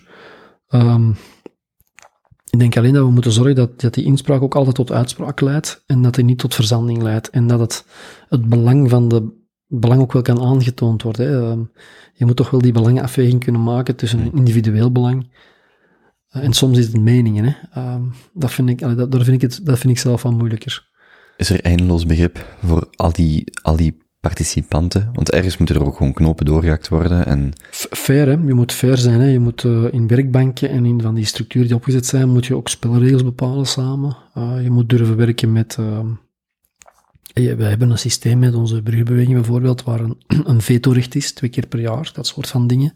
Het is een soort joker dat men mag inzetten om, om iets te blokkeren, om iets te zeggen van dat zien we niet zitten. En dat je dat maar één of twee keer per jaar mocht doen, ja, dan denk ook wel na wanneer dat je die inzet. Want dat betekent, dat is het echt voor jou superbelangrijk. En wij willen in consensus beslissingen nemen. Consensus is voor ons 80% van de, van de actoren zijn akkoord. Dat is consensus. Dus, dus een aantal spelregels definiëren, hygiëne definiëren. Ook duidelijk maken dat elk idee, alle ideeën zijn welkom, maar niet elk idee is realistisch. En, en ja, wie oordeelt daarover? Hoe doe je dat dan? Hoe bemiddel je daarin? Dus we hebben een eindeloos geduld, dat, moet ook, eh, maar wel binnen een professioneel kader. de grote stakeholders hier zijn de Vlaamse overheid, de stad Antwerpen, dan Landis als bouwbedrijf zelf ook nog, en dan de burgerparticipatie, en dan, en dan bedoel ik, dan overkoepel ik ze even allemaal samen. Zijn dat dan de vier grote partijen of grote groepen? De haven heb je natuurlijk ook. De haven. Als, als groot betrokken partij, dan heb je toch de hele, alle werk, de werkgeversfederatie, waar wij ook toch eh, vaak mee in contact komen. Ehm, buiten de stad heb je de gemeente Zwijndrecht, die toch ook heel betrokken partij is, dan op linkeroever vooral. En dan heb je ehm, verschillende particuliere bedrijven nog, die toch wel serieus wat impact hebben. BASF, dat soort, of, of Totaal, hè. Totaal, daar werken we vlak naast. Hm. Die zijn toch wel wat geïmpacteerd. Dus daar, daar heb je toch ook wel een, een directe lijn die nodig is. Eh, en zo zijn er nog een aantal bedrijven waar we echt mee, mee, mee moeten rechtstreeks handelen. Zeker als ze in onze werkzone zitten. Ehm, maar dat zijn dan de grote. Maar als, als ik ze tel in onze matrix met wie we allemaal contact hebben, dan zijn de, Vlaamse Waterweg, dus alle Vlaamse administraties, ook die zijn protocolpartijen. De administratie, wegen en verkeer, Mhm. de Vlaamse Waterweg, de Lijn, de NMBS. Dus ook daar moeten wij mee, mee dealen. is er een probleem qua, of zou er een probleem kunnen zijn qua politieke continuïteit? Well, ik, ik, denk, ik denk zelf wel, uh, maar dat is natuurlijk een, een, een assumptie vandaag. Ik vond het, he, ik, vind, ik heb het altijd heel, het leiderschap politiek op dit project heb ik altijd heel dapper gevonden, want dit is, dit is iets wat je niet alle, da alle dagen doet. Je, je ermee achter zit is toch niet zo evident. En ik moet zeggen, we hebben daar nu zien, we hebben al veel kleuren zien wisselen op, de, op die stoel met dit project, maar toch blijft men er, is, er is toch voldoende steun en continuïteit. Die visie of 2030 is voldoende gebetoneerd dat die politieke verschillen of dat die continuïteit wel ja, je, min of meer gegarandeerd is. Wij voelen in de commissie openbare werken, wij voelen als we rapporteren um, dat, dat daar toch consensus rond ontstaat. Dat, uh, ik geef ook wel toe dat wel, uh, ja, iedereen heeft wel wat bang van dat project. Hè. Het, is, het is gewoon het grootste dat we ooit gedaan hebben. Hè. Niemand wil de verantwoordelijkheid ook dragen, neem ik aan, voor als het fout gaat of als er problemen zijn. Statistisch gezien hebben we, uh, ja, ik zeg altijd, we hebben twee kansen op drie dat fout gaat. Hè? Dus, uh, dus, dus, naar de statistiek toe, uh, die moeten we kloppen. Wacht, hoe komt u bij die statistiek? Als je grote projecten wereldwijd bekijkt, hmm. gewoon vanuit, als je die analyseert, dat is een studie van, ik denk dat Saint-Tech is geweest, de Franse Ingenieursfederatie, die daar een heel onderzoek naar gedaan heeft, voor ze met de Grand Paris gingen beginnen. Um, en dan blijkt inderdaad dat ongeveer een derde van alle grote projecten, die raken nooit van de tekentafel, dus oké. Okay, die kosten dan ook geen geld buiten de voorbereidingskosten. Veel debatten, maar nooit van de tekentafel, dus worden nooit gerealiseerd. En dan van die twee derde die gerealiseerd wordt, is een derde een financieel fiasco. Maar echt. Mm -hmm. Voor Way of, hè. Uh, Berlijnse luchthaven, uh, ja, een project dat ik ook heel goed ken trouwens. Stuttgart, uh, het baan, het station, dat soort dingen. Ja, maal 15, maal mm. 8. En stel je dat eens voor hier, maal 15. Dan, uh... ik, heb in, ik heb in Hamburg gewoond en iemand nam mij mee, maar dat was dan, allee, was dan geen publiek. Of dat was de Elbphilharmonie. En die loopt zo voorbij en die zegt zo, kom, dat is gebudgeteerd op 85 miljoen. Ze zitten al aan een miljard. Zoiets. Ik, de Boston Big Dick is, uh, ik denk, maal 14 gegaan. Mm, mm. Om maar een idee te geven. Maar wacht, als u dat zegt, dan, dan is de vraag ook direct, ja goed, dit is bij ons ook heel reëel, of bij ons in de Oosterweelverbinding ook heel reëel, dat die financiële kater veel groter zou worden. Wel, dat, uh, dat is zo als je geen draagvlak hebt. Want wat blijkt dan? Mm. Dat was dan Mhm. de crux. Hè, want we hebben natuurlijk we hebben dat niet gedaan om dat te weten en dan onszelf uh, bang aan te jagen en te zeggen, oei, we gaan, uh, we gaan veel geld opdoen, gaat, gaat hier niet lukken. Nee, we hebben, we hebben die studie vooral geraadpleegd om voor onszelf, toen we onze strategie gemaakt hebben drie jaar geleden, van ja, hoe pakken we dat hier nu in godsnaam aan? Hè? Hoe gaan we die, die uitvoering aanpakken? Hoe zorgen we ervoor dat we... En dan was er eigenlijk in, in onze strategie, hebben we dan echt gezegd, ja, we moeten met de omgeving, hè, niet alleen vanuit de overtuiging dat we iets terug moeten geven, maar ook voor de beheersing van ons proces, moeten wij met de omgeving permanent in dialoog blijven om te zorgen dat dat project niet ontspoort, dat dat niet stilvalt en nog eens stilvalt en, en op alle obstakels loopt. Dus die omgevingsdoelstellingen, we hebben echt omgevingsdoelstellingen gedefinieerd toen, een omgevingsstrategie om met de omgeving, hè, dus het is in ons DNA, het is niet alleen uit overtuiging, maar het is ook wel gewoon een must. Of je hebt, dat is een van de factoren waardoor het zou kunnen mislukken. Maar dat gaat dan over dat bovengrondse verhaal, dus het ondergrond. Nee, nee, zelfs, zelfs het het gaat over je hele verhaal. Maar als die vergunningen zijn afgeleverd voor het onder, dus alles wat eigenlijk de fysieke inrichting betreft, in welke mate is daar dan nog overleg of betrokkenheid bij nodig? Je, je kan uh, tijdens de werken zelf ga je verschillende faseringen hebben, je gaat hmm. stukken moeten in dienst nemen, daar moet je ook weer toelating voor vragen, dus je kan op elk moment kan je nog ja. uh, obstakels tegenkomen, tenzij je goed informeert, correct communiceert, uh, de verwachtingen juist zit, eerlijk bent met tegenvallers, duidelijk zegt van, sorry maat, uh, nu, nu gaat het echt niet goed, we hebben drie maand vertraging, sorry, veel hinder. Maar bijvoorbeeld als burger, waar participeer ik onder andere? En ik bedoel niet dat, bijvoorbeeld als Vlaams burger, maar ook als inwoner van Antwerpen. Ja. Wij, wat wij nu proberen te doen, dus we hebben, je hebt eigenlijk vanuit de grote verbinding en het, het, wervende project van de stad aan, waar die overkappingen ook mee in zitten, hebben in de ringpark. Misschien wat te kaderen, de grote verbinding is dan eigenlijk de toekom een toekomstvisie ja. van de stad Antwerpen of van de provincie Antwerpen. De stad, stad, stad Antwerpen. Dat is eigenlijk haar bestuursakkoord en binnen de grote verbinding is het, het merk grote verbinding gaat dan over uh, de Oosterweelverbinding onder andere, maar evengoed uh, de, ringpa- uh, de overkappingsprojecten die hier aangelegd worden. Het is eigenlijk een soort, waar ook die jobs in de grote verbinding hè, centraal staan. En waarin de stad eigenlijk zegt van kijk, we hebben hier de grote werf van de eeuw in ons buurt. En die werf bestaat uit verschillende brokstukken. Oosterweel is er ook eentje van. Of is dat wel de aanleiding toe geweest. En met dat akkoord te verankeren in haar, in haar stedelijk beleid, zegt de stad eigenlijk dat ze met ons in dialoog en in samenwerking gaat.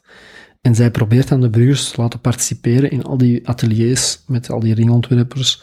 Uh, wat ons betreft, uh, iedereen, wij, wij, doen webinars constant, uh, informeren we buurten waar we in de buurt zijn, wij gaan daar heel vaak langs. mensen kunnen ook ons contactpunt telkens doorgeven. De participatie in werkbanken, in werkstructuren gebeurt via de burgerbeweging, wordt daar wat gecoördineerd mm. en via de intendant. Dus wij trachten echt wel te mobiliseren om, om te participeren op een of andere manier. En um, om dat nog duidelijk te kaderen, dus Oosterweel en de overkapping, de, waar zit daar het verschil tussen of waar overlappen die? De overkapping heeft, is niet alleen Oosterweel, hè, op mm -hmm. onze zone, maar je hebt ook overkappingen op de zuidelijke ring. En daar zijn wij niet mee bezig. Oké, okay, dus, de, dus de overkapping maakt dan want Oosterweel is al overkapt in principe. Ja, een groot stuk. En de overkapping, ja, inderdaad. En dan de overkapping is dan in principe de stukken van de ring die er vandaag al liggen, zoals de Zuidring, of de ring, ja, ik weet klopt, niet, ja, klopt. die dan ook overkapt zou worden. Ja. Dus die, die moet bijvoorbeeld niet gelijk het viaduct in Merksem afgebro afgebroken worden om een, eigenlijk een overkapt stuk te bouwen, maar de ring die er nu ligt, dat stukje toch wordt die, overkapt. Die sleuf, en daar wordt dan een dak opgelegd. Mm -hmm. Ik zeg het nu simplistisch, maar daar komt het eigenlijk wel op neer. Dus. En, en het haventracé is dan nog, de, de, de, dat is dan nog een apart deel, ja. ook binnen de, die toekomstvisie, of? Ja, die toekomstvisie, dat was eigenlijk, dat bestond uit een aantal pijlers. Hè, die, die, het volledig overkappen van de ring. Is er, mm -hmm. is er eentje van. Dus de bestaande plus de nieuwe te bouwen, dat die, dat die uh, ondergrond is, dat je dan een, parkruimte of groenruimte kunt creëren. Een tweede pijler was de Oosterwielverbinding, het sluiten van de ring. Dat is ook een, een belangrijk stuk in die, in die mobiliteit en leefbaarheid. dat is de, Schel- de Scheldetunnel. Ja, de Scheldetunnel en alles wat wij dan daar nog eh, bovenop doen. Dan een derde eh, pijler was dan het haventracé. Dat is de bestaande R2. Als je zo op de ringrijd ziet de R1 en R2 staan. De R2, dat is de grote ring rond Antwerpen. Dat is eigenlijk eh, langs de Thijsmanstunnel en de Beverentunnel, zodat je dan op de E34 eh, terechtkomt. Eh, dus dat is eigenlijk een, een, een tweede stuk. En daar, eh, we willen eigenlijk bij voorkeur doorgaand verkeer, dat in de haven moet zijn, of doorgaand verkeer voorbij Antwerpen, bij voorkeur naar daar sturen langs de Oosterweel of langs het haventracé. Dus dat is, dat is een, een, een derde pijler. En dan heb je routeplan 2030, dat is de vierde pijler. Dat betekent de, de ambitieuze modal shift. Zorgen dat we in onze regio van 70% wegengebruik naar 50% gaan, van onze, dus onze verplaatsingen, zowel particulier als goederen, proberen meer eh, goederen op het water of via de, spoorwegen te krijgen en een betere mix te krijgen, waardoor de infrastructuur beter gebruikt wordt en waardoor de leefbaarheid toeneemt.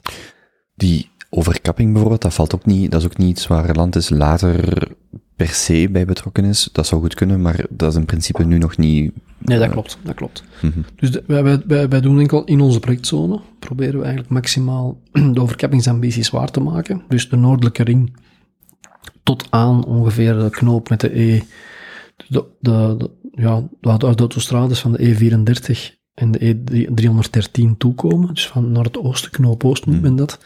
Tot daar gaan wij ongeveer. Die, is de NMBS daar op een of andere manier ook bij betrokken? Wij hebben overleg met de NMB's heel vaak. Omdat de NMB's is natuurlijk heel belangrijk om eh, tijdens de werken, om de hinder te beheersen, maar ook voor de modal shift, om een aantal exploitatievraagstukken mee op te lossen.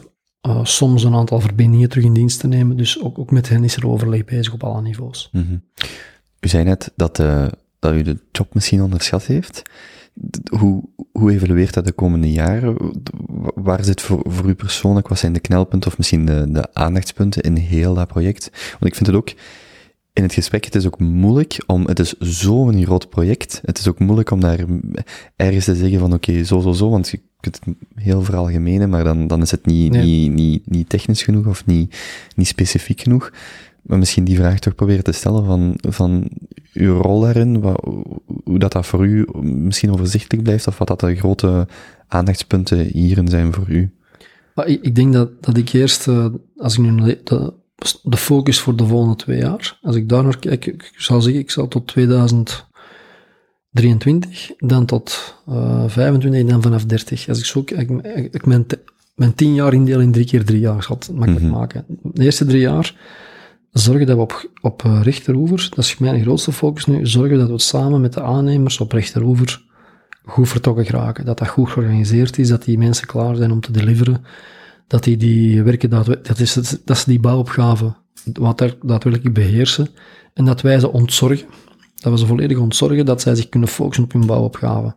Zodanig dat wij, als land is, welke taken nemen wij dan op? Wij zorgen er dan voor dat, die, dat we met de omgeving in dialoog blijven en alles wat vanuit de omgeving nog in beweging is, proberen we samen met de omgeving tot een consensus te komen en proberen we dan gecontroleerd in de scope in te brengen van het werk.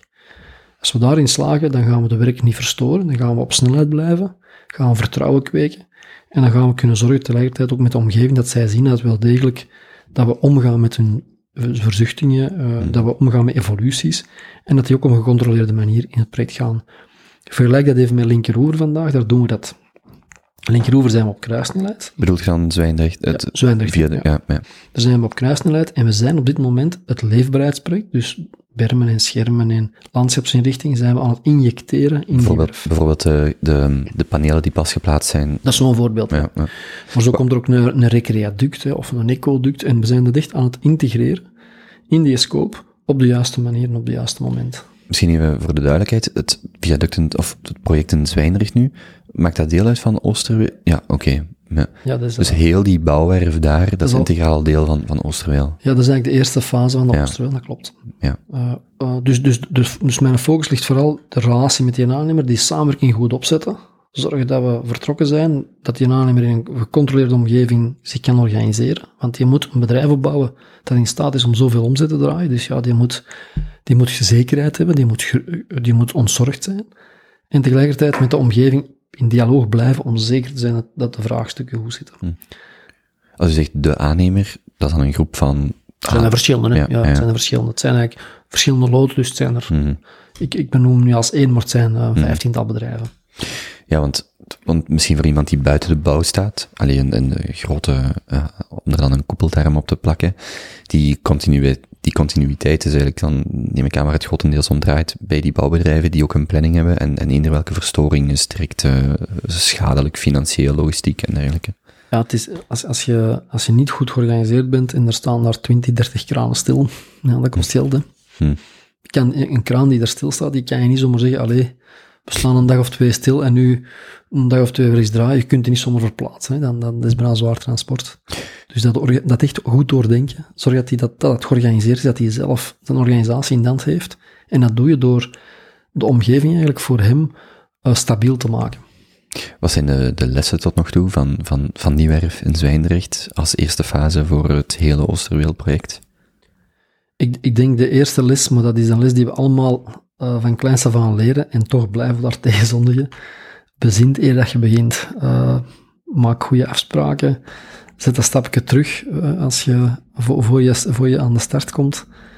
En, en eh, begin op een gecontroleerde manier. Ik denk dat we, bij, dat we te enthousiast waren en te, te, te eager waren om te starten. Maar waar merkte, waar merkt, waar merk ik als burger dat? Of heeft het, daar heeft het minder mee te maken? Ja, je, gaat, je, gaat, ja, je zou dat kunnen gezien hebben toen we de start van de werken aankondigden. Dat was een persmoment met hele grote schoppen.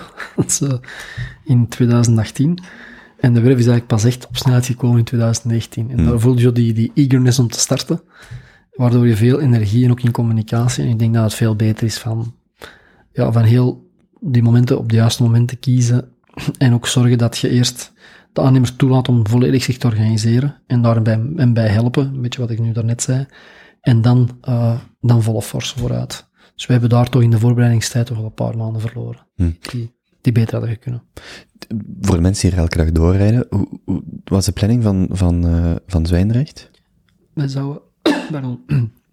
Nog eens drinken. Ja, doe maar.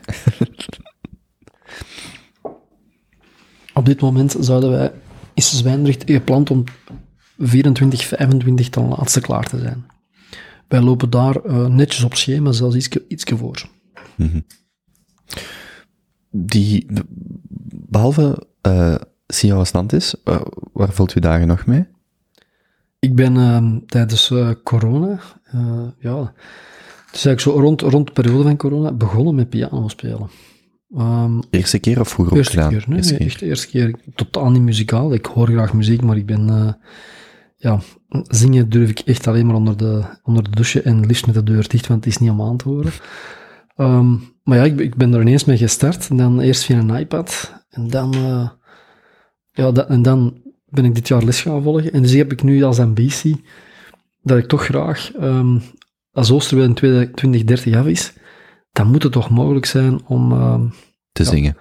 Om op zijn minst uh, koningin Elisabeth veeg te worden. Maar Hm. dat is, uh, dus dat is nog wel een hele prestatie. Maar dat is piano en zangles. Nee, zingen dat ik enkel piano. Ik, ik, be ik beperk piano. het op piano. ja, ja, dat is... Uh, nee, daar zou ik... dat, dat doe ik heel graag. Daar kan ik me echt mee amuseren. Heel veel sport. Altijd gedaan. Um, ik probeer toch elke dag meer dan een uur te sporten. En in het weekend zelfs wat meer. Dus daar... en lezen, hè. Ja, ik... uh, ik lees eigenlijk constant, uh, dat, is, dat is ook iets. Bij ons thuis was dat, was dat eigenlijk altijd zo. Mijn, mijn drie zussen, mijn ouders, die, die lazen. Hè. Er werd altijd gelezen. Hè. Dus dat, dat heb je meegekregen. En ik, doe, ik heb altijd één, één non-fictie en één fictieboek. En de fictie is dan in een, is in een vreemde taal. alleen niet Nederlands dus. En dan, de non-fictie is ofwel Engels ofwel Nederlands. Zijn er um, boeken waar je naar teruggrijpt als druk is? Of misschien in je hoofd druk is, of, of in een drukke levensfase? Geschiedenis, hè. Heel veel geschiedenis. Ja.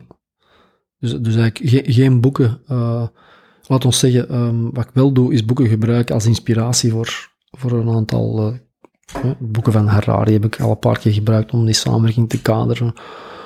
Eh, of wat ouder materiaal van Jim Collins heb ik ooit nog eens gebruikt om transformaties in organisaties a- aan te hè. Ehm, dus Jim je- Collins van het vliegwiel. ja, Hmm, hmm. de, de Good to Great. Hè. Ja, good, great. Dus dat soort van boeken, dat, dat is, maar, maar van de managementboeken zelf moet ik toegeven dat ik daar wat van wegblijf. Ik heb er heel veel gelezen, moeten lezen vroeger.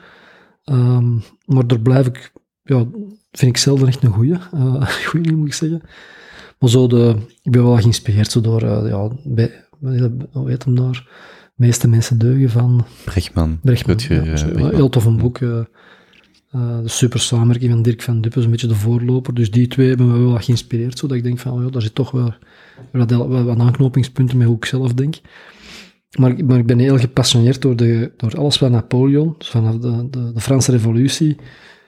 Eh, en dan heel die periode daarna, dat, dat vind ik heel interessant. En dan alles wat mij vlak voor Wereldoorlog 1 en Wereldoorlog 2 vind ik ook een heel boeiende periode om over te lezen en over te leren. Ja. Vanuit welk perspectief dan? De maatschappelijke veranderingen? Ik kan me voorstellen dat dat vanaf de Napoleon-tijd... Ja, het- het gevoel dat die... dat, eh, eh, meer het gevoel van wat die, eh, wat die teweeggebracht hebben. hè. Eh, ja, ja, misschien wel de maatschappelijke verandering, de versnelling ook in de maatschappij Mhm. er gekomen is, de eh, ja, egalité, hè, die, die toch... Die gelijkheid waar ik toch wel naar op zoek ben. Eh, ik, ik vind echt, eh, dat is een van mijn grootste zorgen vandaag, is, is dat corona ons zo met de neus op de feiten duwt op korte termijn, dat we de lange termijn over het hoofd zien en dat we de, de problematiek van ongelijkheid die aan het toenemen is, dat we eh, ons klimaat waar, ja, waar de kinderen terecht op straat kwamen en waar we nu er weinig van horen, ja, ik, ik maak me daar echt zorgen over. Dat zijn wel thema's waar ik mee bezig ben. Zo in mijn vrije tijd. Hè. Ja, maar kun je, daar, kun je daar überhaupt... Hoe doet je daar iets aan? Of hoe... Beginnen bij jezelf. Hè. Hm. Je kunt eh, beginnen bij jezelf, eh, het, mobiliserende vermogen van, van de eh, Youth for Climate of, of, of, of over ongelijkheid het mee benoembaar maken. Maar je begint eerst al bij jezelf, denk ik, om, om daar eens in de spiegel te kijken en te zeggen, wat, wat kan ik zelf doen? Hè? Wat kunnen we zelf al doen aan, aan het klimaat? Ja. Duurzamer leven, dat, dat is toch een stap die je dan zelf moet zetten. En zo. Is, is in die zin ook, als klimaat denk ik, iedereen van mijn generatie sowieso... Ik denk dat weinig mensen nog aan twijfelen dat klimaat de uitdaging is, of, of de uitdaging waar, waaruit veel andere uitdagingen ook stromen, of, de primaire uitdaging. Is dan, is dan Oosterweel iets wat, wat in uw hoofd daarbij bijdraagt? Absoluut, absoluut. Ik heb daar echt over nagedacht, want voor ik... Ik, maar, ik wil ook gerust zeggen, ik heb mijn contract voor, voor eh, om, om naar eh Bamdan te komen, ik heb het pas getekend als, de- als de toekomstrond getekend was. Ik wist dat, dat die onderhandelingen bezig waren, maar ik zou mijn contract niet getekend hebben als ik niet overtuigd was dat ik hier echt iets goed ging doen. En dat meen ik ook echt. En ik denk dat wij, als wij die parken aanleggen, dan gaan wij een impact hebben op de temperatuur in de stad. Hm. Dat, is, dat is een voorbeeld. Eh, het feit dat we op de luchtkwaliteit zo'n enorme impact hebben in positieve zin, dat vind ik fantastisch. Het feit dat we mee op die tien jaar die verandering in mobiliteit zullen teweegbrengen, dat geeft echt, dat geeft echt perspectief. Want dat is dan misschien, dat begint dan hier in Antwerpen, maar als men ziet dat dat werkt, ja, dan gaat men dat ook doortrekken in, in, in onze andere regio's. En ik denk dat dat allemaal voorbeelden zijn die, die echt aantonen dat Oost, een project met deze zwaartekracht, met deze omvang, heeft echt een, een, een soort van hefboomswerking. Je, je, je, kan, je kan hier echt een verschil mee maken. En ik geloof dat dit een... een ja, ik probeer, probeer echt mijn energie te steken in het... Ja, de wereld moet beter zijn als ik hier weg ga ooit. En dit is een project waar ik in geloof dat we dat doen. Dat we een stukje een verbetering gaan brengen. Voor het leven van heel veel mensen. Ja, qua hefbomen, er zijn er niet veel grotere, neem ik aan. Voilà, het is een zware... Ja, ja en ook zowel, um, opnieuw als burger, en dat is ook te kort door de bocht, maar het uh, Eurostadion, wat uiteindelijk niet gebouwd is, al, al het gedoe rond de luchthaven van Zaventem, dat je zo ergens in een soort, en dan ook zeker niet alleen Belgisch, maar ook die Berlijnse luchthaven en allerlei projecten die, grote projecten die precies niet meer gebouwd kunnen worden, of heel moeilijk nog gebouwd kunnen worden. Um, en dan, dat het hier dan eigenlijk in deze context wel lukt, of wel lijkt te lukken, dat dat, dat toch, dat je toch toont van, ja maar nee, wacht, er is wel coördinatie, er is wel inspraak en we kunnen wel verder geraken. En eigenlijk, een, als je naar die grote, naar de laatste decennia kijkt, dat het toch moeilijker en moeilijker en complexer en complexer lijkt te worden, of wordt. Maar dat het hier wel toont van, nee, nee, we kunnen wel effectief die dingen veranderen. En 2030 is een ambitieus, maar realistisch doel. En kijk eens naar de impact die geleverd wordt. Dat, dat is ook de, ik zeg, dat, dat- is hetgeen dat mij ook charmeert aan hetgeen, dat is ook de reden dat ik vandaag elke dag met veel goesting na- naar, naar, allee, nu dan eh, op mijn bureau thuis, maar dat Naar is de- de reden. En, Naar de zolder of naar de kelder. en ook met die groep, ja zoiets, en ook Hmm. met die groep van geweldige mensen met wie we werken. Ehm, ik denk echt, allee, het, het, het, het is al lang niet meer eh, de 250 mensen van land is die elke dag het beste van zichzelf geven. Maar ik zie het gewoon ook bij de, met de burgerbewegingen die het beste van zichzelf geven, om daar mee over na te denken. Ik zie het bij onze, onze stakeholders. Ik zie iedereen daar proberen samen iets te, iets te doen en beseffen dat het moeilijk is. Ik ga dat niet ontkennen, dat is moeilijk, daar zit heel wat risico op. Maar toch het gevoel van, als we, als we ons voldoende bewust zijn van de risico's, maar ze wel durven nemen, als we ons voldoende informeren, voldoende luisteren, ja, dan moeten we gewoon die krachten in beweging zetten en dan moeten we erin slagen en er echt in geloven. Want als je niet in jezelf gelooft, ja, wie gelooft er dan in u? Ik, ik denk, en, ik ben echt overtuigd dat we vandaag, door de, door de context die, die gecreëerd is een paar jaar geleden door mijn voorgangers, wat, wat fantastisch werk was, en ik heb daar alle respect en bewondering voor, supergoed gedaan. Ehm, maar daardoor, door die context van het Toekomstverbond, zijn, we- zijn we vandaag echt in een, hebben we een gouden kans.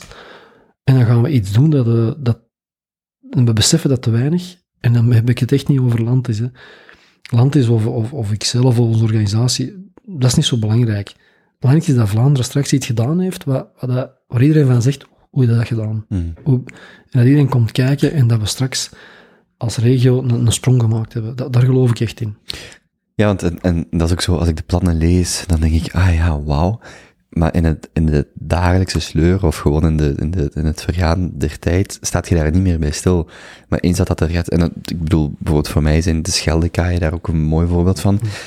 Dat duurt maanden, jaren, voordat je er eigenlijk iets van ziet. En dan ineens is dat er, en denk je, maar ja, dit is, dit is veel beter dan ervoor. En die overlast, en, en dat is dan nog een relatief klein project, die overlast is, dat is heel acuut. En dan, en dan, maar dan zit je niet meer, je zit te veel, je zit te vast in de dagen en weken en niet in, in, in het perspectief wat dan geboden wordt. Ik kan me voorstellen bij Oosterweel dat die, dat dat gewoon niet tastbaar genoeg is totdat het er is. En onze kinderen, allee, of mijn kinderen of uw eh, kleinkinderen, die, die gaan niet anders weten. En dan zeggen, hoe, hoe had dit anders kunnen zijn? Terwijl dat voor de mensen die er nu elke dag in staan of zo, dat dat, dat, dat gewoon niet tastbaar genoeg is. Terwijl dat eigenlijk een, ja, een magnifiek project is, of de grootste bouwwerf dan van, van Europa, of hoe het, hoe, het ook genoemd wordt dan in die zin. Ja, dat, dat is wel... Je, je ziet dat bij kleinkinderen ook, hè. uitgesteld genot is moeilijk. Hè. Hmm, de marshmallow test.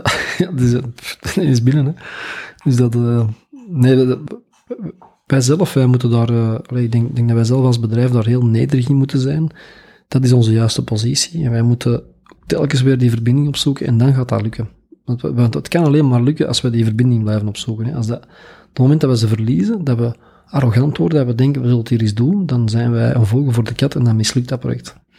Maar als wij blijven verbinden, als wij het geduld blijven oefenen, rustig blijven, eh, eerlijk zijn wanneer het niet goed gaat, duidelijk transparant zijn over eh, dit valt tegen, dit gaat goed, dan ben ik ervan overtuigd dat je, ja, dat je grote stappen kan zetten. En, en, en, de effecten, ja, wij, mogen, wij mogen niet blij zijn als Oosterweel gebouwd is en er is geen modal shift gebeurd, dan mogen wij niet blij zijn. Wij mogen niet blij zijn als er heel veel hinder geweest is. Wij moeten zorgen, wij moeten echt zorg dragen dat we elk jaar die stappen zetten en dat we elk jaar ook in de verdere uiting van toekomstverbond stappen vooruit zetten. En pas dan gaat dit project volledig tot zijn recht komen en gaat dat, gaat dat doen wat het moest doen. Ja, de, het, het doel heiligt hier niet de middelen. Nee, nee, Hmm. nee. Hmm. Nee, daar da, daar ben ik echt van overtuigd. Ik, is maar, is zoals u terecht zegt, dat is maar een middel om een groter doel te Mhm. bereiken. En, en zo zie ik dat echt. En, en, en dat is wat, en ook mijn team, en daar geloven wij echt in.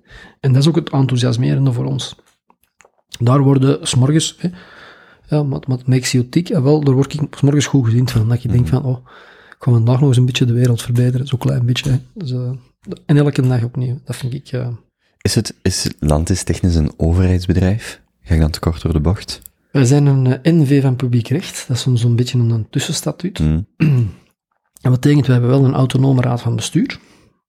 eh, met bestuurders, die, die, een aantal zijn geselecteerd door de overheid, een aantal zijn echte privébestuurders. Ehm, wij worden, eh, de leiding van, van, van, van ons bedrijf gebeurt wel vanuit een privé gedachte. Dus ik, ja, ik ik, kan, ik kan ook niet anders, moet ik toegeven. Dat, is- ik leid het bedrijf toch wel, denk ik, als echt, eh, zoals ik dat deed bij Arcadis.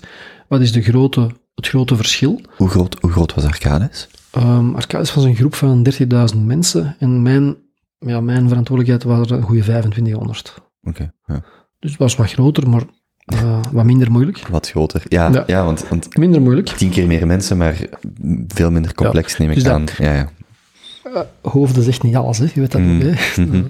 Dat is ook niet zo belangrijk.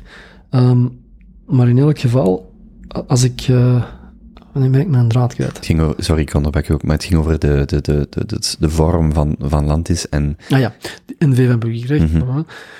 En dat wil zeggen, wij worden wel... wij- Er is heel streng toezicht op ons, dus wij hebben twee regeringscommissarissen die echt alles kunnen opvragen eh, bij, bij be- besprekingen zijn, die, die toezicht houden of wij de middelen efficiënt en goed besteden, of wij de overheidsopdrachtenreglementering naleven. En Want wij moeten wel de wetgeving respecteren, de wetgeving op overheidsopdrachten.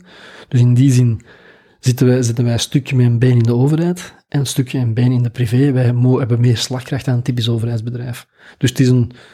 Het is, ehm, als we het goed doen, is het best of both worlds. Hmm. Ik hoop niet dat we het slecht doen, want dan is ja, dan... eh, Was het moeilijk voor de CEO dan, of iemand die uit de private sector komt, of ik zal dan, hoe moeilijk is het voor iemand die uit de private sector komt om dit dan te leiden vanuit die, misschien die vrijheid die er, of die, een soort van, een, andere vrijheid die er vandaag is? Dus aanpassen. Het is aanpassen in de zin dat je moet, ehm, je moet die kaders be- begrijpen. Je moet ook snappen dat eh, een openbaarheid van bestuur betekent dat je veel zorgvuldiger moet zijn met een aantal notas die je maakt, hè, of mails die je schrijft. Anders dan in een privébedrijf, waar je soms een, een connotatie toevoegt. Ehm, dat kan je hier niet doen. Hè. Hier moet je Hmm. zeer objectief zijn. In, in, in dus op zich, het, het is een leerschool geweest. Ik heb al een paar stommiteiten gedaan natuurlijk, eh, zonder twijfel, eh, meerdere. meerdere. Ehm, maar, maar ik kan niet zeggen, ik dacht eerst van, oei, zou, zou ik dat wel aankunnen? Gaat mijn ondernemerschap niet gevraagd worden? Ik, er, ik was me er wel van bewust dat dat een risico was. Maar ik kan niet ontkennen dat ik vind dat onze raad van bestuur heel goed werk levert, heel veel vrijheid creëert. Ik vind dat de Vlaamse regering en, en, en, eh, en de stad, ehm, ja, ik kan alleen maar zeggen dat we daar ehm, op een heel goede manier mee kunnen samenwerken. Heel professioneel, hè, met onze minister. Zeer professionele samenwerking. En echt professioneel. Het gaat helemaal niet over politiek in dat geval. Dus, dat, dus ik mo- moet, allee, ik, ik was misschien voordat ik hierin stapte ook wat kritischer naar een overheid toe, ook die stakeholders. Maar ik zie toch veel dynamiek. En ik zie toch, ik heb eigenlijk wel veel, ehm, ja, ten goede bijgeleerd over de overheid, zal het zo zeggen. Mijn, mijn beeld is daar toch door verbeterd. Wacht, en, en- en- ik wil daar dieper op ingaan. In, in welke zin, of in, in, en misschien de vraag anders stellen, ik denk dat veel mensen een soort van, ook weer daar, Oosterbeeld als één werf, nee, nee, dat zijn honderden, of, of hè, vele projecten. De overheid of de politiek is één ding, terwijl dat, dat ook veel complexer is dan, dan dat. In welke mate geeft dat u misschien als burger die in die situatie komt een, een breder beeld of een volle, meer volledig beeld over hoe dat die stakeholder of de politiek of de overheid toch anders is dan dat je dacht dat die was? Enorm. Ik moet toegeven dat ik, ik- als, ik, als ik zeg dat mijn beeld is bijgesteld ten goede, dan, dan meen ik dat ook echt. hè. Als ik zo, we rapporteren twee keer per jaar eh, op de commissie openbare werken, waar we parlementariërs die geïnteresseerd zijn in, in deze, en die ook benoemd zijn in die commissie, onze- een commissie van het Vlaams parlement. ja, van het Vlaams parlement toezicht houden op ons, dus ook vragen stellen en geïnformeerd zijn. Als ik zie hoe goed die mensen voorbereid zijn, hoeveel dossierkennis dat die hebben, hoe scherp dat die zijn in hun vragen, dan denk ik, amai, knap. Mhm. Eh, een instantie zoals de Rekenhof, dat, dat toch alles uitpluist. Zeer professioneel. Ik kan daar echt niks slecht over zeggen. Ehm, Ah, dus het rekenen, in welke mate is het rekenhof betrokken? Ze hebben eh, vorige week nog een, eh, een rapportage gedaan Mhm. over ons, of twee weken geleden heb ik nog in het parlement gezeten. Zijn zij de, de financiële waakhond? Allee, Ja. buiten het parlement, Jawel. want dat is dan die commissie. Absoluut. Zij, zij, Mhm. zij, zij, het is niet zo dat zij, zij gaan gewoon heel objectief analyseren waar sta je, waar sta je niet. Ehm, de informatie die je in, in rapportering oplevert, is die consistent. Dus zij, zij hebben daar toch wel, hè, los van onze raad van bestuur, ook nog een, een functie te vervullen. En brengen alles wat in de objectiviteit. Dus ik denk dat dat goed is. Ze houden ons ook, ook opnieuw. En dan denken we toch over een aantal dingen na. Van oei, hier hebben we toch nog wat, wat werk te doen. Ehm, maar ook als ik zie hoe dat functioneert, professionals, zeer wel, heel, heel, heel degelijke mensen, echt wel deliveren tegen de klok. Als ik zie naar mijn stakeholders, ehm, de Vlaamse Waterweg, AWV, eh, ja, die verschillende administraties, ook daar zit toch wel eh, de wil om mee te werken, om, om, om mee te verbinden, te zoeken. Soms zijn er wat, lopen we eens tegen aan procedure of wat dan ook. aan. Ik bedoel, een aantal afspraken die daar bestaan, maar, maar er, is, er is wel een wil eh, om, om, te, ja, om toch mee te helpen, om te functioneren, om iets te realiseren. En ik, ja, dat, dat stelt mijn beeld toch wel in de positieve zin bij. En evengoed politiek. Ik mag echt niet zeggen, allee, op die vier jaar, met de hand op het hart, ehm, politiek heeft hier geen, pardon, niet het beeld dat mensen zo hebben dat politiek zal eens een, een, een manoeuvre doen, dat is hier niet gebeurd. Ik, ik kan dat echt, echt eh, eh, formeel zeggen. Nee, politiek is eerder steunend geweest en heeft eh, geluisterd als we problemen hadden. Of als we, als we rapporteerden, heel geïnteresseerd ook. Ja, ik, eh, positief, allee, ik ben eh, positiever wat dat betreft geworden. En dat vind ik goed, hè? Dat, is, dat is fantastisch. Ja, want wat hier ook wel is, het is natuurlijk zo'n een win-win project of een project waar iedereen zich natuurlijk met, eh, met eigen inbreng, maar je kunt u daar makkelijk achter scharen. Dus eh dat, is, dat is een anders... Ik, hoe dat de, zelfs de NMBS of de lijn werkt, en ik ben ze ook nu allemaal op een hoop aan het gooien, want het is niet zo eenvoudig. Ja, dat is al een heel andere discussie. Als hier, hier kunt je wel objectief, eh je kunt wel inspraak vragen van de burger en die kan zeggen, ja, heb de, de, de overlast en dergelijke, zijn we bezorgd of de aanleg van bepaalde parken of hoe dan ook. Maar het is wel duidelijk dat je een vinger in de pap hebt die toch je toekomst gaat eh, bepalen en dat er een, eh, een betrokkenheid is die misschien bij heel veel andere connotaties die wij van de overheid hebben gewoon ook veel minder is. Als in, ik, kan, ik heb weinig inspraak op hoe dat de NMBS werkt of de stiptheid van treinen, maar in deze kan ik effectief wel een, een, toch op een manier een, een stem eh, vertegenwoordigen. Ja, maar ik, maar ik denk dat zoals in, ik zal het anders zeggen, eh, gewerkt te hebben in een multinational met ook verschillende eh, landenorganisaties en structuren.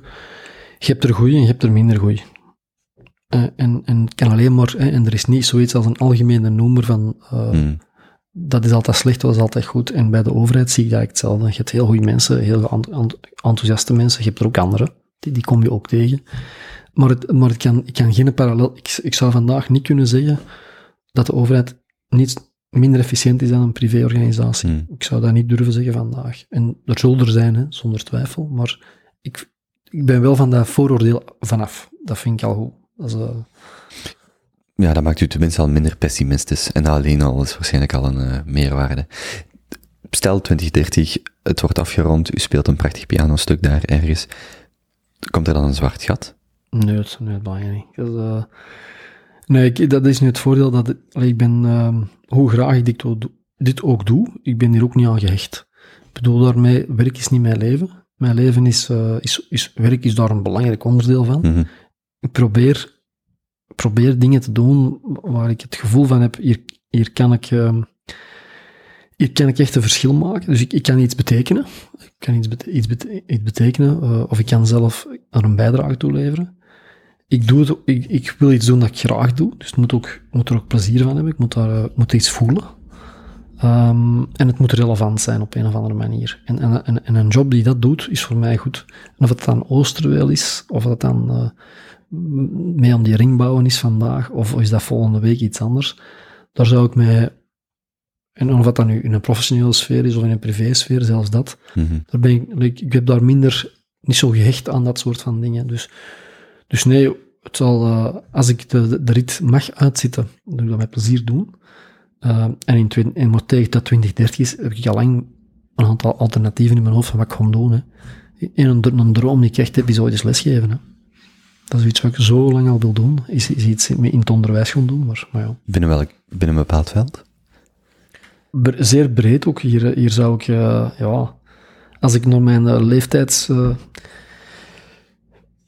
echt lesgeven, gastcolleges geven, zou, dat doe ik regelmatig wel eens. Dus dat is, dat is wel plezant. Ehm, maar ook aan echt, echt ja, jongeren, hè, 12, 13, 14-jarigen. Hmm. Om die wat enthousiasmeren hè, voor, voor waar we mee bezig zijn en welke werkvelden. Ja, de technische werkvelden zijn dan wel evident, omdat ik daar wel, ja, de, de, de- bagage voor heb. Maar dat, dat is nog, nog wel zoiets waar ik van denk, ja, misschien moet ik daar wel eens iets mee doen. Ehm, of in het onderwijssysteem ook eens mee instappen. Eh, ik denk dat dat ook beter kan. Eh, maar goed, Op een grote werf, blijkbaar. ik denk dat dat ook een werf is en ik denk dat, mij ook, dat er onwaarschijnlijk goede mensen zitten. Ehm, maar ik weet niet of het, of het gewicht tussen de, de administratie die onze leerkrachten moeten doen en de flexibiliteit die we van hen verwachten. En hun, hun opdracht naar, hun- naar de kinderen om ze les te geven, of dat nog allemaal in verhouding is. Dus dat, eh, ja, ik denk dat het ook wel een, een heel boeiende omgeving is om, Mm. om iets te betekenen.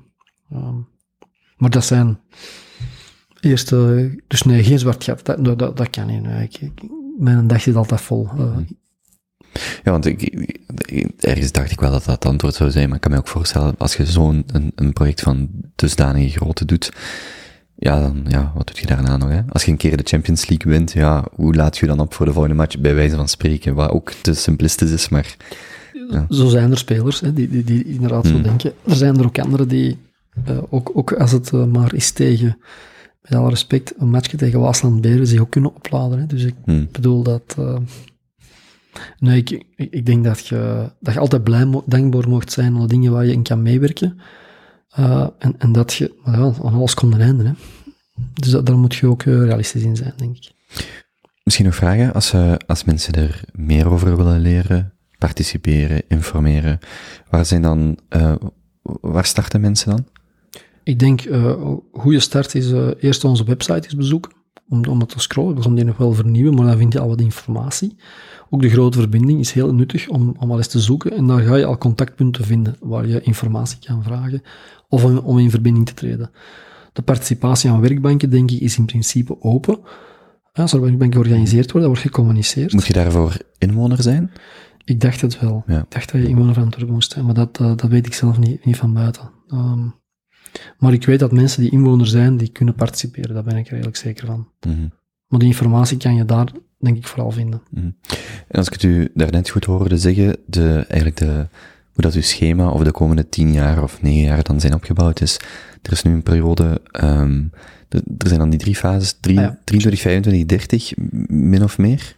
Ja, dus eerst het eerste jaar zorgen dat het aannemer aan gang kan en dat we met de omgeving die dialoog verder zetten en stabiliseren samen.